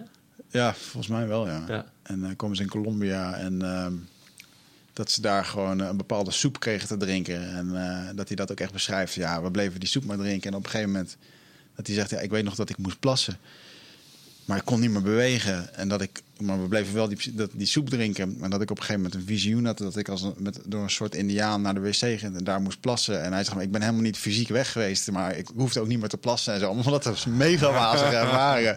Waar die gewoon drie, vier dagen lang met die Terrence dat soort dingen doet, ja. Ja, Dennis, Dennis was echt, eh, was, die was helemaal, helemaal van het pad af. Die was echt, eh, nou ja, je zou het, als je het van het buiten zou bestuderen, dan zou je zeggen, die heeft, die zit in een heftige psychose, ook best wel lang. Ja. Die hebben heel erg out-there avonturen gehad. Gewoon enorm veel hoge doseringen paddenstoelen. Ze, ze zochten ayahuasca, als ik me niet vergis. Ze vonden daar eh psilocybine houdende paddenstoelen. En nou ja, ze zijn helemaal daar te buiten aangegaan. Maar hij beschreef dus in het boek... dat op een gegeven moment had Terence McKenna eh, kreeg kanker. Ja. En eh, hij hield nog steeds al die lezingen over... eh, het is een klein beetje een, klein beetje een, eh, een doorprikken van de ballon hoor, dit. Maar hij hield nog steeds al die lezingen over eh 5 grams dry mushroom in de Ja, dark ja, ja. room en zo. Maar hij, hij zat zelf heel erg... Hij had, het was een hele angstige periode. Hij, hij was, was ongeneeslijke, had ongeneeslijke kanker. En hij durfde zelf niet meer... Hij durfde het zelf niet meer. En zijn vrienden, zijn vrouw, die zeiden allemaal van... Doe, doe het nou, want het zal goed, het zal goed voor je zijn. En terwijl hij het publiekelijk nog steeds wel aanmoedigde... was hij Mhm. zelf toen op het punt dat hij, het, dat, hij het al, eh, dat, hij dat al niet meer durfde. Nou, dat had ook met, te maken met. ehm, tenminste, dat heb ik dan van Dennis ge- gehoord ooit in een interview. Dat hij had een bepaald concept over de tijd had hij, eh, bedacht. Heeft hij- heeft hij- 2012 eh, ding. Nee, nee, Ja, over hoe de, hoe de tijd werkt. En ja, heeft dat, ik weet niet. Maar in ieder geval, daar ging hij zo erg op in. En daar had hij een bepaalde theorie voor. Ook mede met de mushroom had hij dat in elkaar geknutseld. En dat was echt een soort van levenswerk. En dat op een gegeven moment, echt bij een lezing, iemand uit het publiek, een wiskundige, die gewoon zei: Maar luister, wat ik hier zie, klopt niet. Want in wiskunde, die die berekening klopt niet. En daar heeft hij nog heel lang tegen lopen vechten of dat dat wel of niet zo was. Want eh, dat zegt die Dennis McKenna ook. Ja, Terrence je had een beetje het gevaar dat als hij voor een publiek ging zitten, kon hij zo mooi vertellen en dromerig mijmeren, dat iedereen er maar in meeging. Er was nooit echt een tegenwoord. En als Dennis dan dingen begon te argumenteren, zijn eigen broer, dan kregen ze weer ruzie en zo, weet ik het allemaal. Eh, maar dat heeft hem echt wel eventjes in een soort dip gedouwd van eh, eh, zijn hele levenswerk of unicum was in één keer eh plop. Ja, dat, ja, dat klopt ja, er niet ja. meer. En Ja, er is weinig van overgebleven. Ook zijn 2012, hoe heette dat ook alweer? Dit, wat je, die, eh, ik, weet, ik weet precies wat je bedoelt. Ik Ja, het was, volgens mij beschreef hij, ik weet niet precies, hij, hij, volgens mij was het een bepaalde formule om, om, om eh, iets met gewoon letterlijk de tijd, tij- de werking van tijd of zo te. Ja. eh, Nou, ja, en daarmee ja. kon hij een bepaalde eh, samenkomst berekenen ergens in 2012. Daar had hij een stukje software voor geschreven, zoiets was het. Ja. Ja, het was vaag in ieder geval. Als je genoeg shrooms doet, dan, ga je, kom, je met, kloppen, ja. dan kom je met dit soort dingen. ja. maar, maar het leuke is wel aan Terrence McKenna, want ik, ik herken heel erg wat je zegt over als hij begon, voor groepen begon te praten. Oh, en hij had een nogal markante stem. En dan ging hij, hij was ook verboos, dus hij kon allerlei mooie woorden en termen eraan. Ja. Dan op YouTube kun je al die lezingen, kun je, kun je een heleboel kun je nog luisteren. Soms acht uur durend. Je zegt, Jezus Christus. Ja. Wauw, ja, nou, hypnose. Ja. Misschien is dat wel. Zeker in combinatie met uh, het na-effect van een uh, shroom-sessie. Ah, hij is heerlijk om naar te luisteren als je shrooms hebt gedaan en je zit er daarna even... Zo'n lijzige, lijzige, nasale stem. Ja. En dan inderdaad heel eloquent. Ja, eloquent, ja. ja. Maar ik vond hem wel... Uh, en ik vind, denk dat... Um, hij heeft ook wel hele goede dingen gezegd over de verheerlijking ervan. Want um, ik bedoel, ik schrijf nu ook een boek hè, en zelfs mijn editor die zei het van, joh, maar is er nou bij de Indianenstam dan echt helemaal niks verkeerd? En ik, ja, ik, ik denk dat ik dat vanuit mijn beeld geromantiseerd heb, want daar is ook niet alles fijn en uh, het leven is daar hard, weet je wel, en echt niet altijd eerlijk. En, dus, en ik denk dat ik te weinig ken van de cultuur om dat allemaal goed te benoemen. Is dat zo? Ik vind niet dat je dat echt hebt lopen. Want je, je praat ook openlijk over hoe ze soms uh, excrement met de voeten tussen de planken doorschuiven als het niet goed gaat met de luier. Ja, nee, ja, natuurlijk. Maar dat is gewoon het primitieve leven, zeg maar. Maar Um, hij bes, uh, Terence McKenna beschreef ook heel erg van ja, uh, niet iedere shamaan uh, die lief uit zijn ogen krijgt, heeft de beste intenties met de, de westernaar die denkt: Oh, lief shamaantje, puur, zuiver. En ja. En bij verre van zijn ook gewoon. Die gasten ook wel iets over. Jullie slopen de bossen hier. Ik zal jou. Nou ja, je weet niet wat de intentie nee, is. Je hebt, wel, je, wel gelijk hoor. Dat zijn inderdaad. Ik denk dat je echt een goed punt aanraakt. Het zijn ook gewoon, het zijn ook gewoon mensen. En die worden inderdaad heel vaak worden die daadwerkelijk verheerlijkt. Ja. En ik, ik had het een tijdje geleden met iemand over. En die zei. En daar had ik toen nog helemaal niet zo over nagedacht. Hij zei van ja, al die, al die ayahuasca-ceremonies die hier in het Westen plaatsvinden, worden shamanen worden uit hun cultuur gehaald, die worden hierheen gevlogen. Dat zijn shamanen staan helemaal niet bovenaan de, in, de, in, de, in de hiërarchie in heel veel stammen. Uh, het is gewoon, het is gewoon een beetje gewoon, gewoon... De eenlingen, de weirdo's. Ja, Het, is ook gewoon, het is ook best wel gewoon fysiek smerig werk of zo. Het is hard, het is hard werk. En uh, die, die komen dan hier en iedereen uh, idoliseert ze en, en, en aanbidt ze. En ze mogen in een hotel slapen en ze worden, ze worden hier overgevlogen. En iedereen ziet ze als, als wijze. Maar er zijn ook gewoon mensen met, met, met issues en met machts, machtsproblemen die ontstaan. En allemaal van die... Van die uh, weet je, je kan heel goed projecteren als je, als je een hele goede ervaring hebt. En je, um, je doet mee aan zo'n sessie en dat wordt begeleid door een kundige shamaan. Dan kun je dat heel goed projecteren van... jij, ik heb dat allemaal aan jou te danken. Ja. En dat, uh, ja, dat, dat, maakt, dat maakt dat werkt misbruik ook mogelijk in de hand. Ja, volgens mij de drijvende kern van een secte, wat je nu omschrijft. Ja, maar gewoon, ja, maar gewoon überhaupt van, okay. van, van machtsverhoudingen. Dat is, uh, ja, dat is heel lastig om daar Ergens zonder, zonder holding, om daar zuiver Ja, nee, maar wij mensen zijn ook, ook op zoek naar een dergelijk uh, enigmatisch, uh, charismatisch figuur... om een beetje aan vast te klampen voor wijsheid en leiding. Dat vinden we super prettig. Dat heb ik daar ook aan de lijf ondervonden. En als je daar elke dag in zit... Als wij, als, stel, wij zouden uh, twee jaar zouden we gewoon helemaal met Don José en Gino destijds uh, gewoon de hele tijd in zo'n bel hebben gezeten. Hmm. Dan was je gewoon apostel geworden. Ja, maar Zo simpel is het, ja, snap je? Maar, maar, het is niet anders als je vechtsporttrainer of je, nee, dat is precies hetzelfde. Uh, je favoriete leraar of wat dan ook. Maar de, die drugs helpen wel. Ik ben daar zeker ook ja. schuldig ja, aan. maakt mensen beïnvloedbaarder. en ik denk dat er ook, er is ook een heel bekend effect waarbij men verliefd wordt op de, op de heler of op de genezer. Mensen die een psycholoog hebben, worden vaak verliefd op een psycholoog. En al dat, dat zijn zulke bekende psychologische uh, valkuilen waar je in kan, uh, kan stappen. Ja. Maar ik ken ook genoeg verhalen van uh, mensen binnen de stam uh, die terugkwamen in één keer met uh, een laptop die ze van uh, Michel hadden gekregen. Want die die toch niet meer gebruikte. En in één keer komt er een shamaan terug met een laptop waar geen stroom is. Maar hij heeft wel een laptop. En, en, en, dat ze uiteindelijk ook zeiden van ja, ehm, je komt nu terug en dan met het geld. En ja, maar dat geld dat heb ik verdiend. En dan ja, ja. moet je over de stam. Daar wordt ruzie over gemaakt. worden mensen uit de stam verbannen. En ja, dat, dat zijn wel dingen die, die daarbij gebeuren. Ja. ja. Welkom bij het kapitalisme, jongens. Ja, nee, klopt. Ja, dus, maar goed. Maar ik denk ook wel, en wie was dat nou? Ik Dennis McKenna, oh nee, die vroeg zich dat af. Michael Pollan had toen een boek geschreven over How to Open Your Mind. Mm -hmm. en, uh, how to Change Your Mind. How to Change Your Mind. En Dennis McKenna die had daar nog een opmerking over waarom die daar geen shamanisme aan toe had gevoegd. En um, dat is grappig, want Michael Pollan is toen bij ons geweest. En mm -hmm. ik had daarvoor Dennis McKenna bij Joe Rogan geluisterd. Mm -hmm. En toen dacht ik, dit ga ik hem vragen. En dan ga ik dat sturen naar... Uh, Dennis McKenna. Ik bedenk me nu dat ik dat nooit heb gedaan. Je hebt het niet gevraagd. nou, ik heb, ik heb het dus gevraagd. Later, ja. ja. ik heb het gevraagd. En er is alles bijgebleven. Van, oh, dat is een leuke manier om met, met McKenna in, uh, in contact te komen. Wat zei hij of, Ja, dat het niet kwantificeerbaar was. Dus uh, de, het, het, mystieke is heel moeilijk vast te leggen. En uh, dan heb je te maken met culturen, aparte shamanen. Uh, terwijl de data is gewoon rechtlijnig, zeg ja. maar. En ehm, natuurlijk is Michael Pollan zijn boek al best wel gewaagd voor, de, voor waar hij in zit. En welke, zeker welke positie dat hij zit. En waanzinnig goed ontvangen overigens. Ja, dat is echt een... Dat, dat, ja. Ik, uh, een vriend van mij die, heeft net een, die had net een artikel geschreven over, over de pollen-effect. Mm -hmm. dat, wij, wij merken dat ook al sinds dat boek uit is. Dat is, oh, ja. ja. is die interesse en die kennis over psychedelica is zo enorm toegenomen. Ja. Dat, ja. Uh, ja, en, en, dat artikel wat, uh, wat die vriend van mij schreef, dat ging over onderzoekers naar, naar psychedelica. En die zeggen, ja, het is nu heel lastig om mensen zonder verwachtingen te vinden. Omdat het zo in de, zo, het is zo in de, zo oud in die open. Ja. Ik vind het, het zo tekenend, man wat je nu omschrijft. Mensen zijn zo op zoek. Ja. Wat je me af te vragen, waarom is dit, waarom als iemand zeg maar die uh, met enige credibility zegt, oké, okay, dit is wat het doet en dit zijn de voordelen die het heeft, dat dan echt een shitload mensen denken, oh shit, dit is wat ik al die tijd al nodig had. Ja. Ja, ze willen dan de achtbaan en de kermis en. Uh... Nee, dat bedoel ik niet. Eh, want, want, wat, wat bijvoorbeeld een, een pollen belooft, is uh, dingen als trauma kunnen opheffen voor jezelf onder mm. oog komen. Uh, uh, je, je plek in een groter geheel vinden. Ja. Uh, sensemaking. een ja. stukje angst leren helpt het bij. Um, en dat zijn volgens mij precies alle benefits waarom al die mensen er zo interesse in hebben. Ja, zingeving. Ik denk, het, het heeft een bepaalde belofte. Zingeving, denk je? Ja, ik, ik, denk dat het een heel groot ding is. En dat heeft allemaal te maken met wat jullie net ook zeiden. Gewoon de behoefte aan, uh, aan een autoriteit of iemand die, die, uh, ja. die je vertelt hoe het... Om iets om je aan vast te klampen. En dat heeft denk ik ook te maken met gebrek aan zingeving.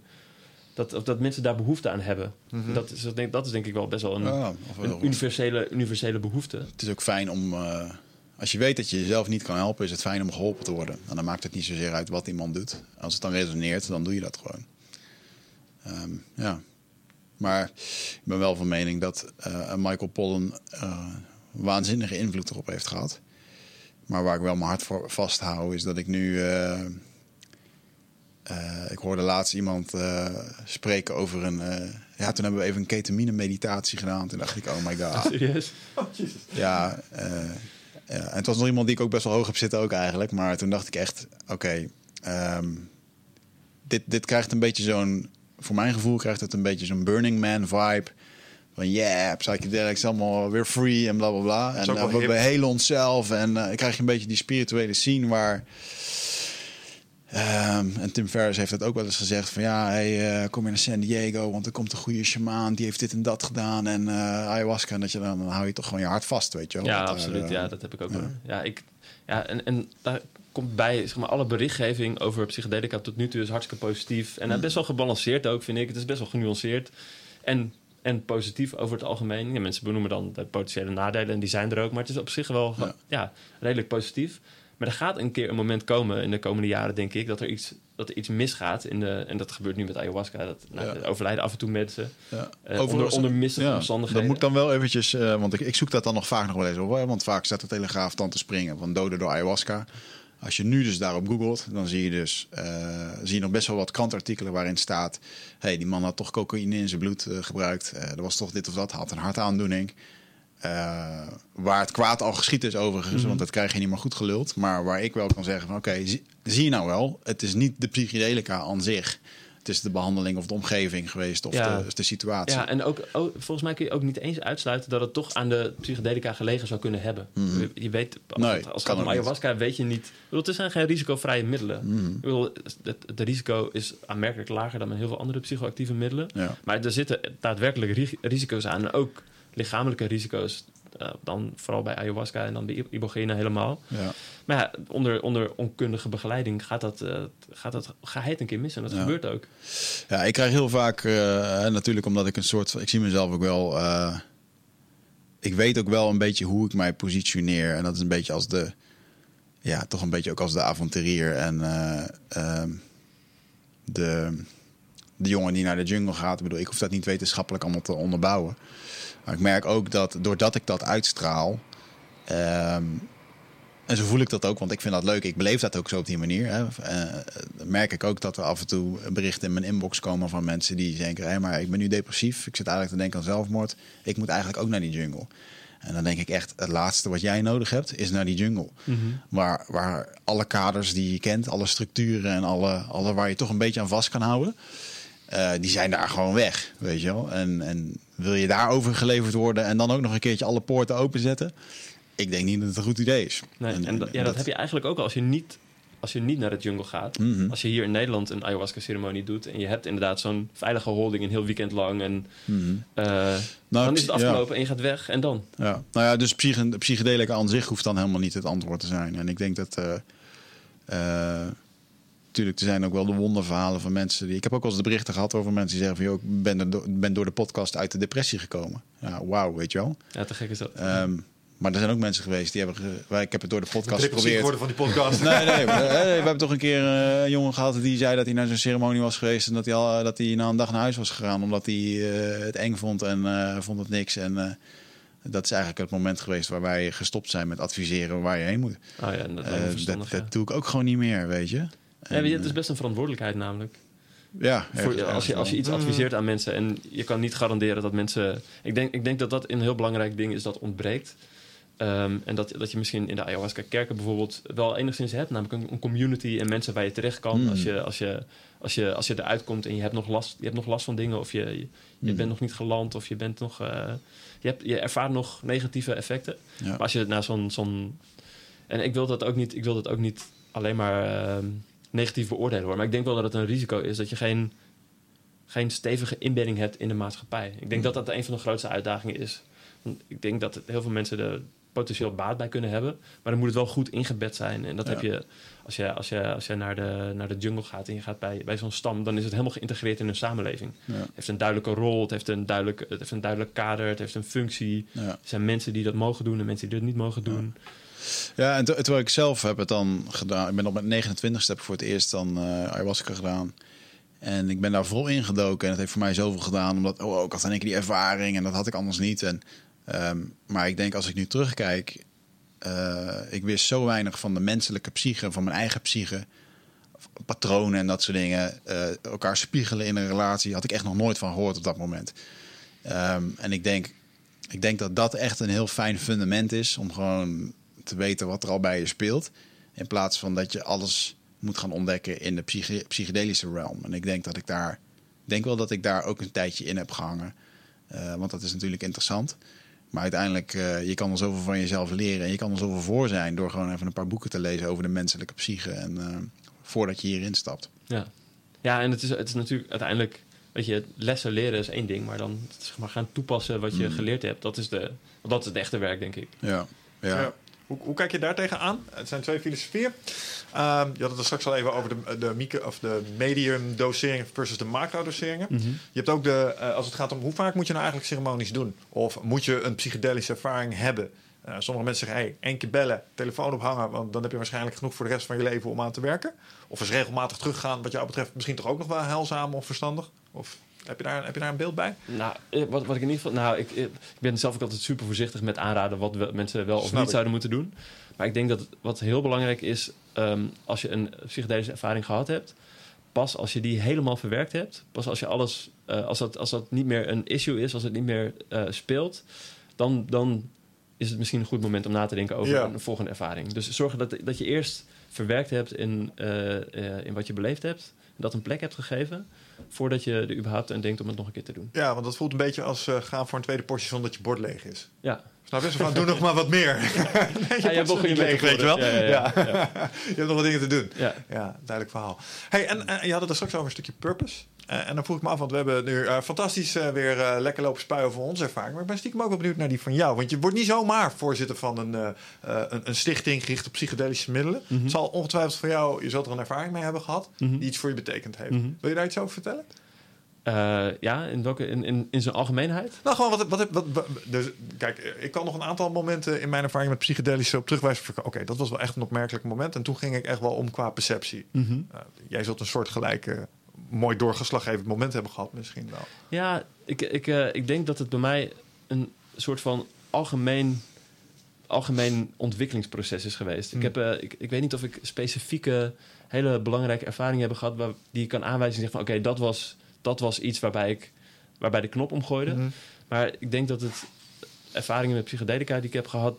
eh, die hebben, ik, heb ook, ik heb ook veel gereisd. Eh, dat heeft ook heel erg gezorgd voor, voor een, een verbreed perspectief... een andere, een andere blik op eh, hoe de wereld in elkaar zit. Is misschien ook op psychedelisch reizen. Op ja, zich. nee, absoluut. Ja, het zijn allebei reizen. Het zijn reizen, innerlijke reizen en, eh, en externe reizen. Helder, ja. Ja, en dat, ja, en, en dat, ik, ik vind het lastig om dat los te zien van, ehm, tenminste, ik heb, ik heb persoonlijk niet een soort van zo'n aha-moment gehad waarbij alles, waarbij alles omging, maar dat is een soort van geleidelijk proces gegaan waarbij, je, eh, waarbij ik telkens terugkom bij dingen die ik belangrijk vind. Hmm. Dus op een gegeven moment, op een gegeven moment ehm, ik bedoel, ik denk dat ik mijn psychedelica, mijn ervaringen met psychedelica niet los kan zien van mijn omgang met de natuurlijke omgeving. Of het feit dat ik ben gestopt met vlees eten en Mm. vis eten. En, eh, die kan, dat kan ik dan weer ook niet loszien van... Ik kan me daar trouwens wel een, een bewust moment herinneren. En dat was niet met psychedelica, maar dat was met de reizen. Ehm, toen, ik, ik weet niet of jullie het boek kennen, Eating Animals, van Jonathan Safran Foer. Hij is, hij is journalist, eh, schrijver. En die op een gegeven moment... eh, weet, hij, hij weet niet of hij ehm, eh, wil, zijn zoon wil opvoeden. Hij krijgt een kind. eh, moet hij nou vlees eten en vis eten of niet? Wat is nou wijsheid? En dan gaat, Mhm. Hij duikt daar helemaal in. Dat is een boek dat heel veel mensen heeft geholpen met stoppen met, eh, met vlees eten. Eh, mij, mij denk ik ook, uiteindelijk. Maar ik, weet, ik kan me nog een moment herinneren dat ik in eh, Indonesië was aan het duiken en een octopus zag. En het, octopussen zijn echt fenomenale beesten. Zijn, Aliens zijn het. Het zijn aliens. Het zijn intelligent, ze zijn, eh, ze zijn, ze zijn grappig, ze zijn... eh, nou ja, wat, wat die beesten kunnen, dat is onvoorstelbaar. En ik, ik weet dat ik daar onder water was en zo'n zo'n beest gewoon een tijd aan het volgen was. En hoe die van vorm verandert en van kleur verandert. En dan in één keer kan wegschieten. Dat is al een psychedelische trip op zichzelf. Jeetje. Nou, best wel, ja. Ja. Heb je Ja. dat film gezien van die octopus die slaapt en die droomt? Ja, geweldig. Die verandert van kleur- en zo. Ja, en je ziet gewoon emotionele... Dat ding is emoties aan het beleven op dat moment. Ja. Dus het, het, het neemt waar. Het is Ja. intelligent. Ja, het is... Het is En wij eten dat op de markt in een bakje. ja. ja, en ik Met vind het ook, ravigotte-saus. Ja, dat niet, maar nou, ik, wist, ik. En ik vond octopus echt lekker. En ik, ik, vond, ik vind vis echt, echt lekker. Maar toen, dat was voor mij dan een soort van keerpunt dat ik dacht van... Oké, ik kan er nu voor kiezen. Of ik vind het belangrijker om, om hem in levende lijven in zijn natuurlijke omgeving te kunnen zien. Of ik, het enige argument wat ik aan de, aan de voorkant had, is ik vind het lekker. En toen, nou ja... Het is mooi dat ik hierop kom, terwijl je me vraagt naar mijn psychedelische Ja, dat is ervaringen. oké. Maar eh, dat is voor mij, dat is, het, is, het is een soort van amalgaam van allerlei eh, persoonlijke ontwikkelingstrajecten die ik heb gehad, Hmm. eh, die me hebben gevormd tot wie ik ben. Maar goed, dat geldt natuurlijk voor iedereen altijd. Maar psychedelica hebben er zeker een hele belangrijke rol in gespeeld. Ja. Wat, wat was je poison of choice in dat opzicht? Ehm, nou, ik heb, ik heb wel zelf wel redelijk zwak voor, eh, voor psilocybine, voor paddenstoelen. Ik denk dat, ja, weet je, toen ik 18 was, eh, kom je voor, het eerst achter dat je dat in een, in een, eh, in een smartshop kan halen in Nederland. Het is een soort van eigen ontwij ontwijdings, inwijdings- inwijdings- inwijdingsritueel. Mooi als je daar voor het eerst komt. Dat is, ik weet nog wel dat ik daar voor het eerst kom, dat ik het allemaal best spannend vond. Ja, dat- Smartshop. Ja, Ja, de, Ja, dat is heel spannend, ja. ja. Ja. Zelfs de eerste keer naar de koffieshop gaan. Wat als iemand je ziet? ja. ja, zo ja. ja. Oh, jij vond het om andere redenen spannend. Eh, ja, ik voelde me nooit thuis in een koffieshop. Oh zo. Ik, ik bedoel, Maar prima voor wel. mensen die smoken en zo. Maar als ik daar dan iedere keer als ik daar binnen loop, dan denk ik, ja, ik ga hier niet zitten. Nee. En ehm, eh, ja, dan, sorry, dat heeft dan toch met de mensen die er te maken. Daar heb ik dan oordeel over, schijnbaar. Ehm maar het is gewoon niet mijn plek. nee. Ah, Terwijl- ja, I get it. In zo'n, eh, ik kan bij bijvoorbeeld in een Zarius in Amsterdam, die smart shop, vind ik wel grappig. Er komen andere types, weet je, ook veel toeristen en zo. En eh, ja, hangt, er hangt dan wat. eh, eh, of of bij, bij, bij Peter in de Deventer, bij eh, Ja, die ja, paddenstoelen, wat Paddo Shop. Wat smart shop heeft hij ook, toch? Ja. Dat vind ik ook grappig, zulke winkels. Ja, dat is mooi. Dat, nou, andere vibe. Maar, Ja. Ehm, ja.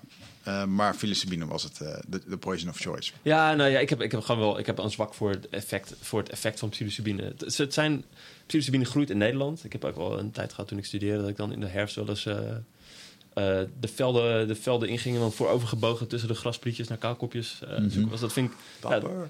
wat zeg je? Dapper. Ja, dat, dat heeft trouwens die documentaire van Stamets wel een beetje weggenomen. Want eh eh mij is altijd geleerd, paddenstoel uit het bos halen. Als je op een langzame, pijnlijke manier dood wil gaan, dan doe je dat. Want de fout is zo gemaakt en Ja. daar kan je op een hele lelijke manier aan de ronde doorgaan. Dat Ja. wil je echt niet. Nee. Maar jij ging ze dus wel gewoon plukken. Nou, ik, ik, had wel, ik had wel onderzoek gedaan van tevoren. En er zijn. ehm, dus er wa- waren altijd, er was altijd één soort paddenstoel die, eh, die, die je zou kunnen verwarren met kaalkopjes. Ja. En, maar dat was, niet, dat was niet een hele giftige. Het was niet iets waar je, waar, wat, wat echt... Oké, dat was ook uit diarree, zeg maar. Ja, ik weet niet eens meer precies, maar ik heb het niet geprobeerd. Want ik Coma. altijd, geen coma.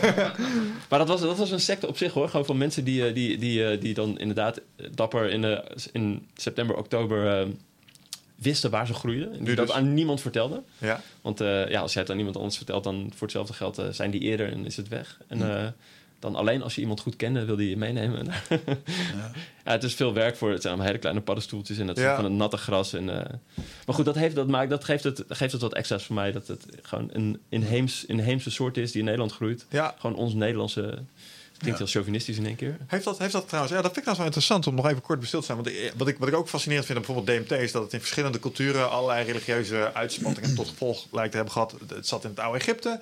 Eh, de eh, hoe heet dat, eh, Meso-Amerikaanse culturen hadden het mee te maken. Ik geloof dat zelfs in eh, China en Japan had je ook iets waar het in, zat in een of andere lady of iets dergelijks. Ja, en acacia's in Australië. Ja, dus ja, Burning Bush. Idee was dat dat het symbool is in de Bijbel voor DMT-houdende planten. Heb je vast wel eens gehoord. Ja, ik heb het Ja. gehoord. Ja, ja. Hoe zat dat hier in, eh, in deze contraien? Eh maakt het psychedelische middelen hier een, eh, een rol uit van de religieuze beleving in de Germaanse bossen hier? Wat, Ja. wat, de- wat deden wij ermee? Dat is een goede vraag.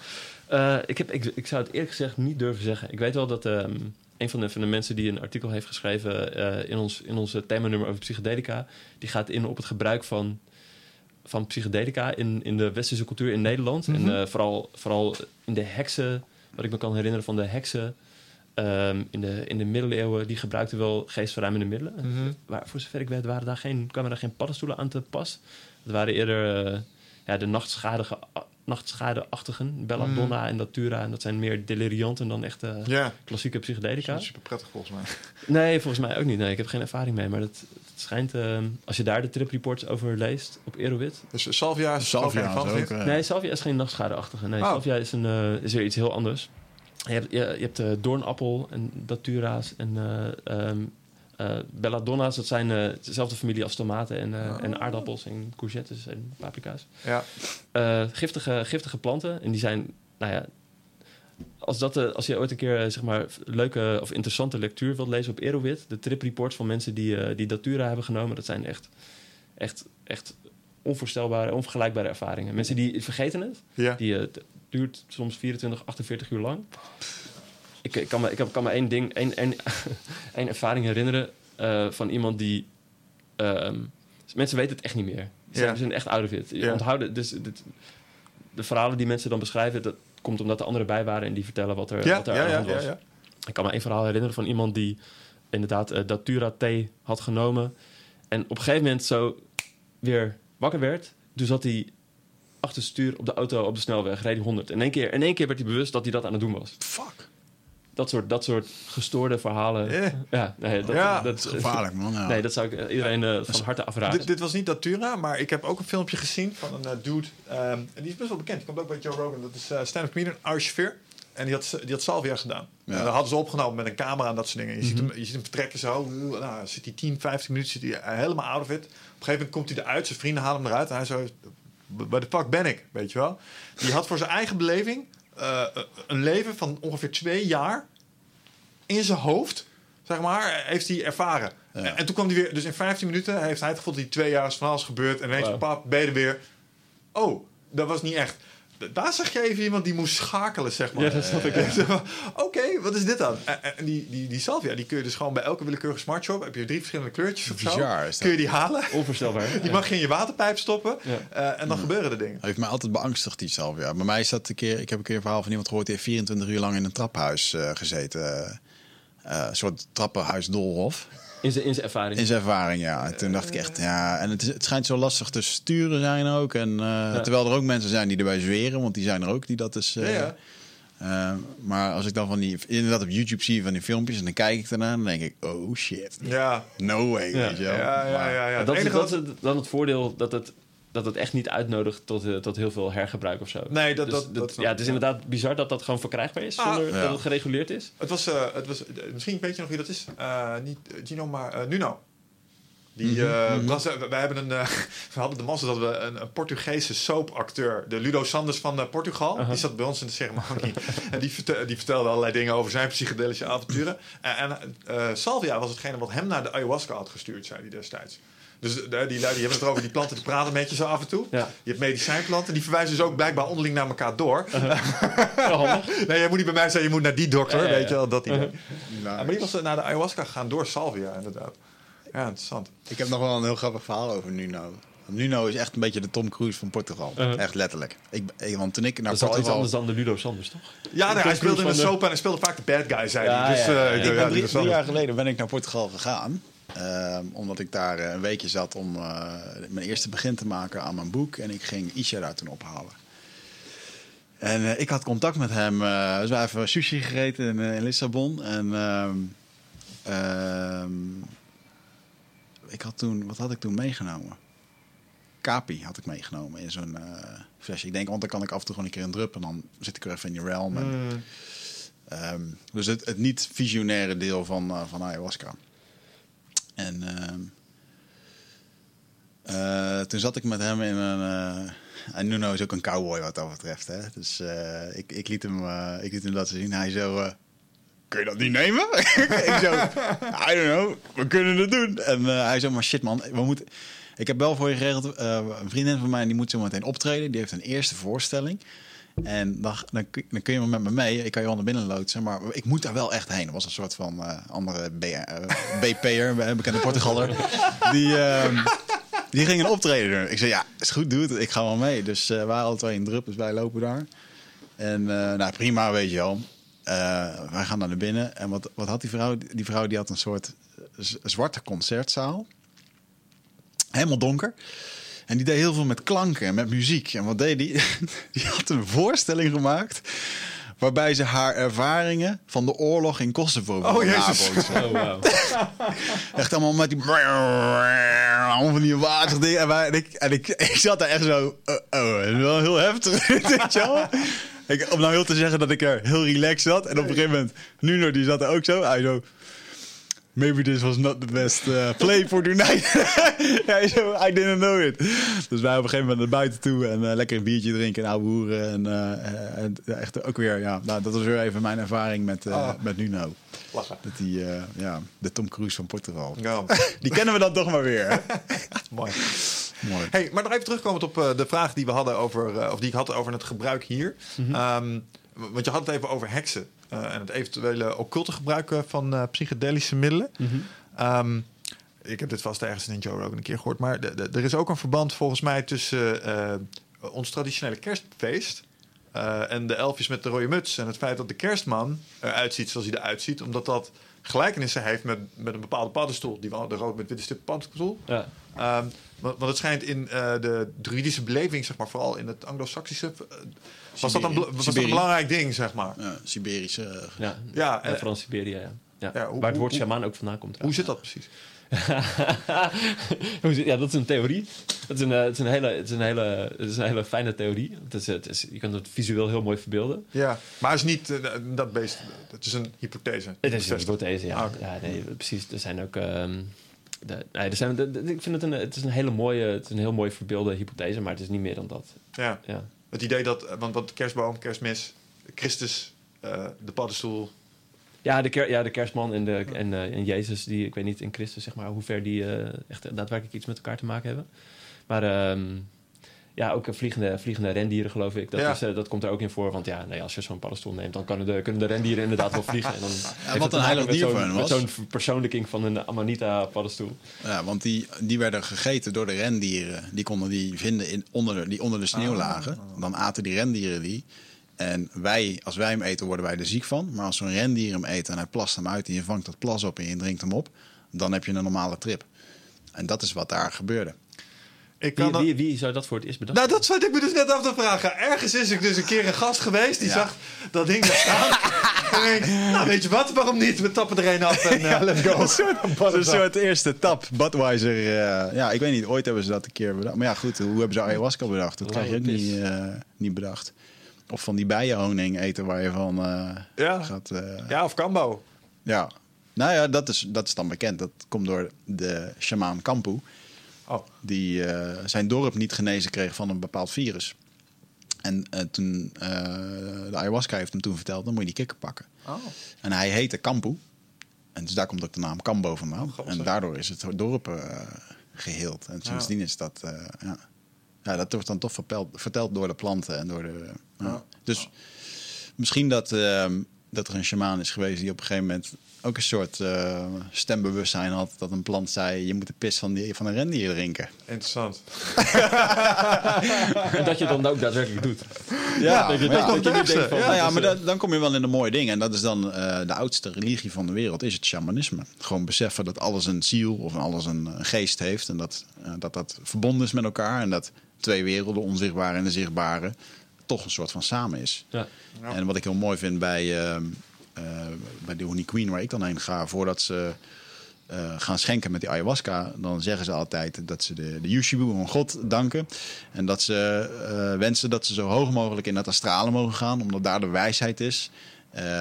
om onszelf te helen. En dat ze de liederen die ze daar ontvangen, dat ze die mee terug mogen nemen naar de aarde om, om ons te helen. Hè? De mm. Icaro's.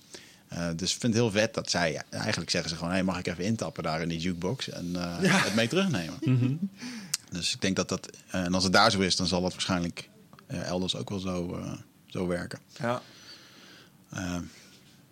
dit weekend ga ik in Zweden doen en dan, ik weet dat de, de Dakota-Indianen die, die hebben dat ook gewoon. Geen zicht, warmte en dan in die realm intappen. Uh, kunnen zien zonder je ogen, weet je ja. wel wat ze nou zeggen. Weet je nog dat verhaal wat, wat Gino toen vertelde in de podcast? Over hoe de oude Maya's dat ja, deden. Ja, in die in grotten onder de grond. En dan uh, gingen ze zwaar aan de uh, verdovende En dan ging iemand bij uitgang van die grot gingen ze er lawaai in maken. Want dat galmde er dan helemaal doorheen. En dat resoneerde dan. Ik weet niet mm -hmm. of je wel zo'n klankschaal bij je hoofd hebt gehad. Dat voelde je gewoon ervan afkomen. Ja. En dan in een grot, helemaal om je heen, in het donker, high as fuck. Ja. ja. Wat bezielt je? Priesters in Egypte. Ja, er is, een soort, er is toch echt een soort behoefte, lijkt aan mensen om uh, aan andere bewustzijnsstaten. Ja.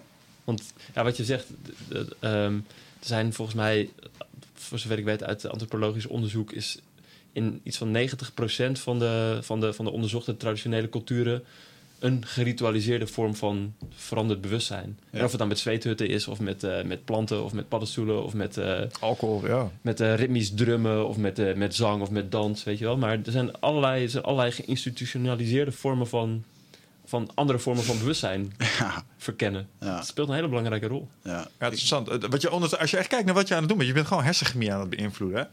Dat is het. Dat dansen, dat drummen. Dat, eh, je bent eigenlijk gewoon een knop aan het draaien in je hersenen om bepaalde afgiften van wat het ook maar is wat voor die staat zorgt, zodat je je voelt zoals je voelt als je zo high bent als je kan zijn uh, op die middelen. Ja.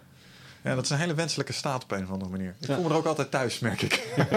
ja, maar wat is dan de psychedelische staat? Want die kan je ook zonder psychedelica... Uh, je kan ook helemaal in de drummen verzanden. Ja. Ik bedoel, als ik soms mensen op een feest lekker zie dansen... en die zitten er helemaal in... Uh, dan kan je jezelf helemaal in verliezen. De meeste feesten waar jij kwam, was iedereen aan de drugsvriend? Dat, uh, dat zeker. uh, dat zeker. Maar als je nu, nu heb je toch bijvoorbeeld de nieuwe, de nieuwe trend, hè? het ecstatic dance, juist zonder de drugs, waar mensen gewoon drie uur lang helemaal erin zitten. Ja. Ja, dat, is, dat is fascinerend. Dat doet mij denken aan een individuele moshpit. als dus je die gasten los ziet gaan. Oh, ja. Maar goed, ik vind het wel, ja, het is fascinerende. Het zijn fascinerende staten. Maar ik kan me ook wel voorstellen dat het voor angst zorgt. En als je niet als je, als je aan de controle gehecht bent, dan, uh, dan is dat lastig.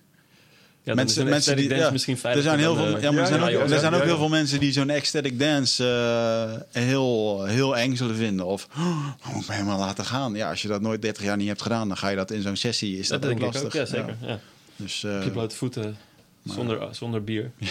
Zonder biertje. Het is al de hippies. Ja. Raar. Nou goed. Ah, mooi jongen. Um, vertel nog eventjes over je als laatste, want we moeten afronden. Komt zo meteen een volgende gast. Um, je, je, evenement. Je evenement. Ja. Je, ja, ja, ja. What's happening? Wij, uh, over, dat is over twee weken al. 25, 26, 27 september organiseren wij de Interdisciplinary Conference on Psychedelic Research. Dat is een groot interdisciplinair wetenschappelijk congres naar uh, onderzoek naar psychedelica. En dat is interdisciplinair, dus dat betekent we hebben, we hebben neuroimaging studies naar, uh, naar wat er gebeurt met mensen die DMT of 5-MeO-DMT nemen. Zijn, uh, het is onderzoek naar therapeutische toepassingen van psilocybine. We hebben discussies over, um, over therapeutische frame, frameworks, therapeutische modellen waarin het gebruik van psychedelica zou passen. Hoe kun je dat inpassen in de samenleving? Hmm. Maar ook, ook wel kritische discussies waar we het vandaag ook even over gehad hebben. Van, hoe zit het nou met die mainstreaming van psychedelica? Is dat alleen maar goed? Zijn, is het alleen maar slecht? Zit, hoe, hoe stuur je dat? Is medicalisering van psychedelica alleen maar goed? En wat, jij, wat jij misschien in ieder geval heel interessant vindt, vermoed ik, is... We hebben een, ehm, een team van een Braziliaanse neurowetenschapper, een Tsjechische neurowetenschapper en een, uh, en een uh, uh, leider Leopardo Jawabané. Mm Ik weet niet of, die, of, jij hem toevallig kent.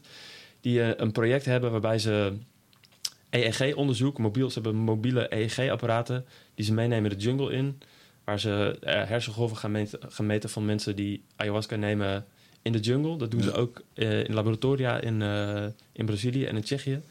Om, om te kijken hoe je dat soort onderzoek goed kan doen. Mooi. En dan niet alleen hoe je dat onderzoek goed kan doen, maar hoe kan je. En dat is best wel ja, een, relevante, een relevante spanning, denk ik.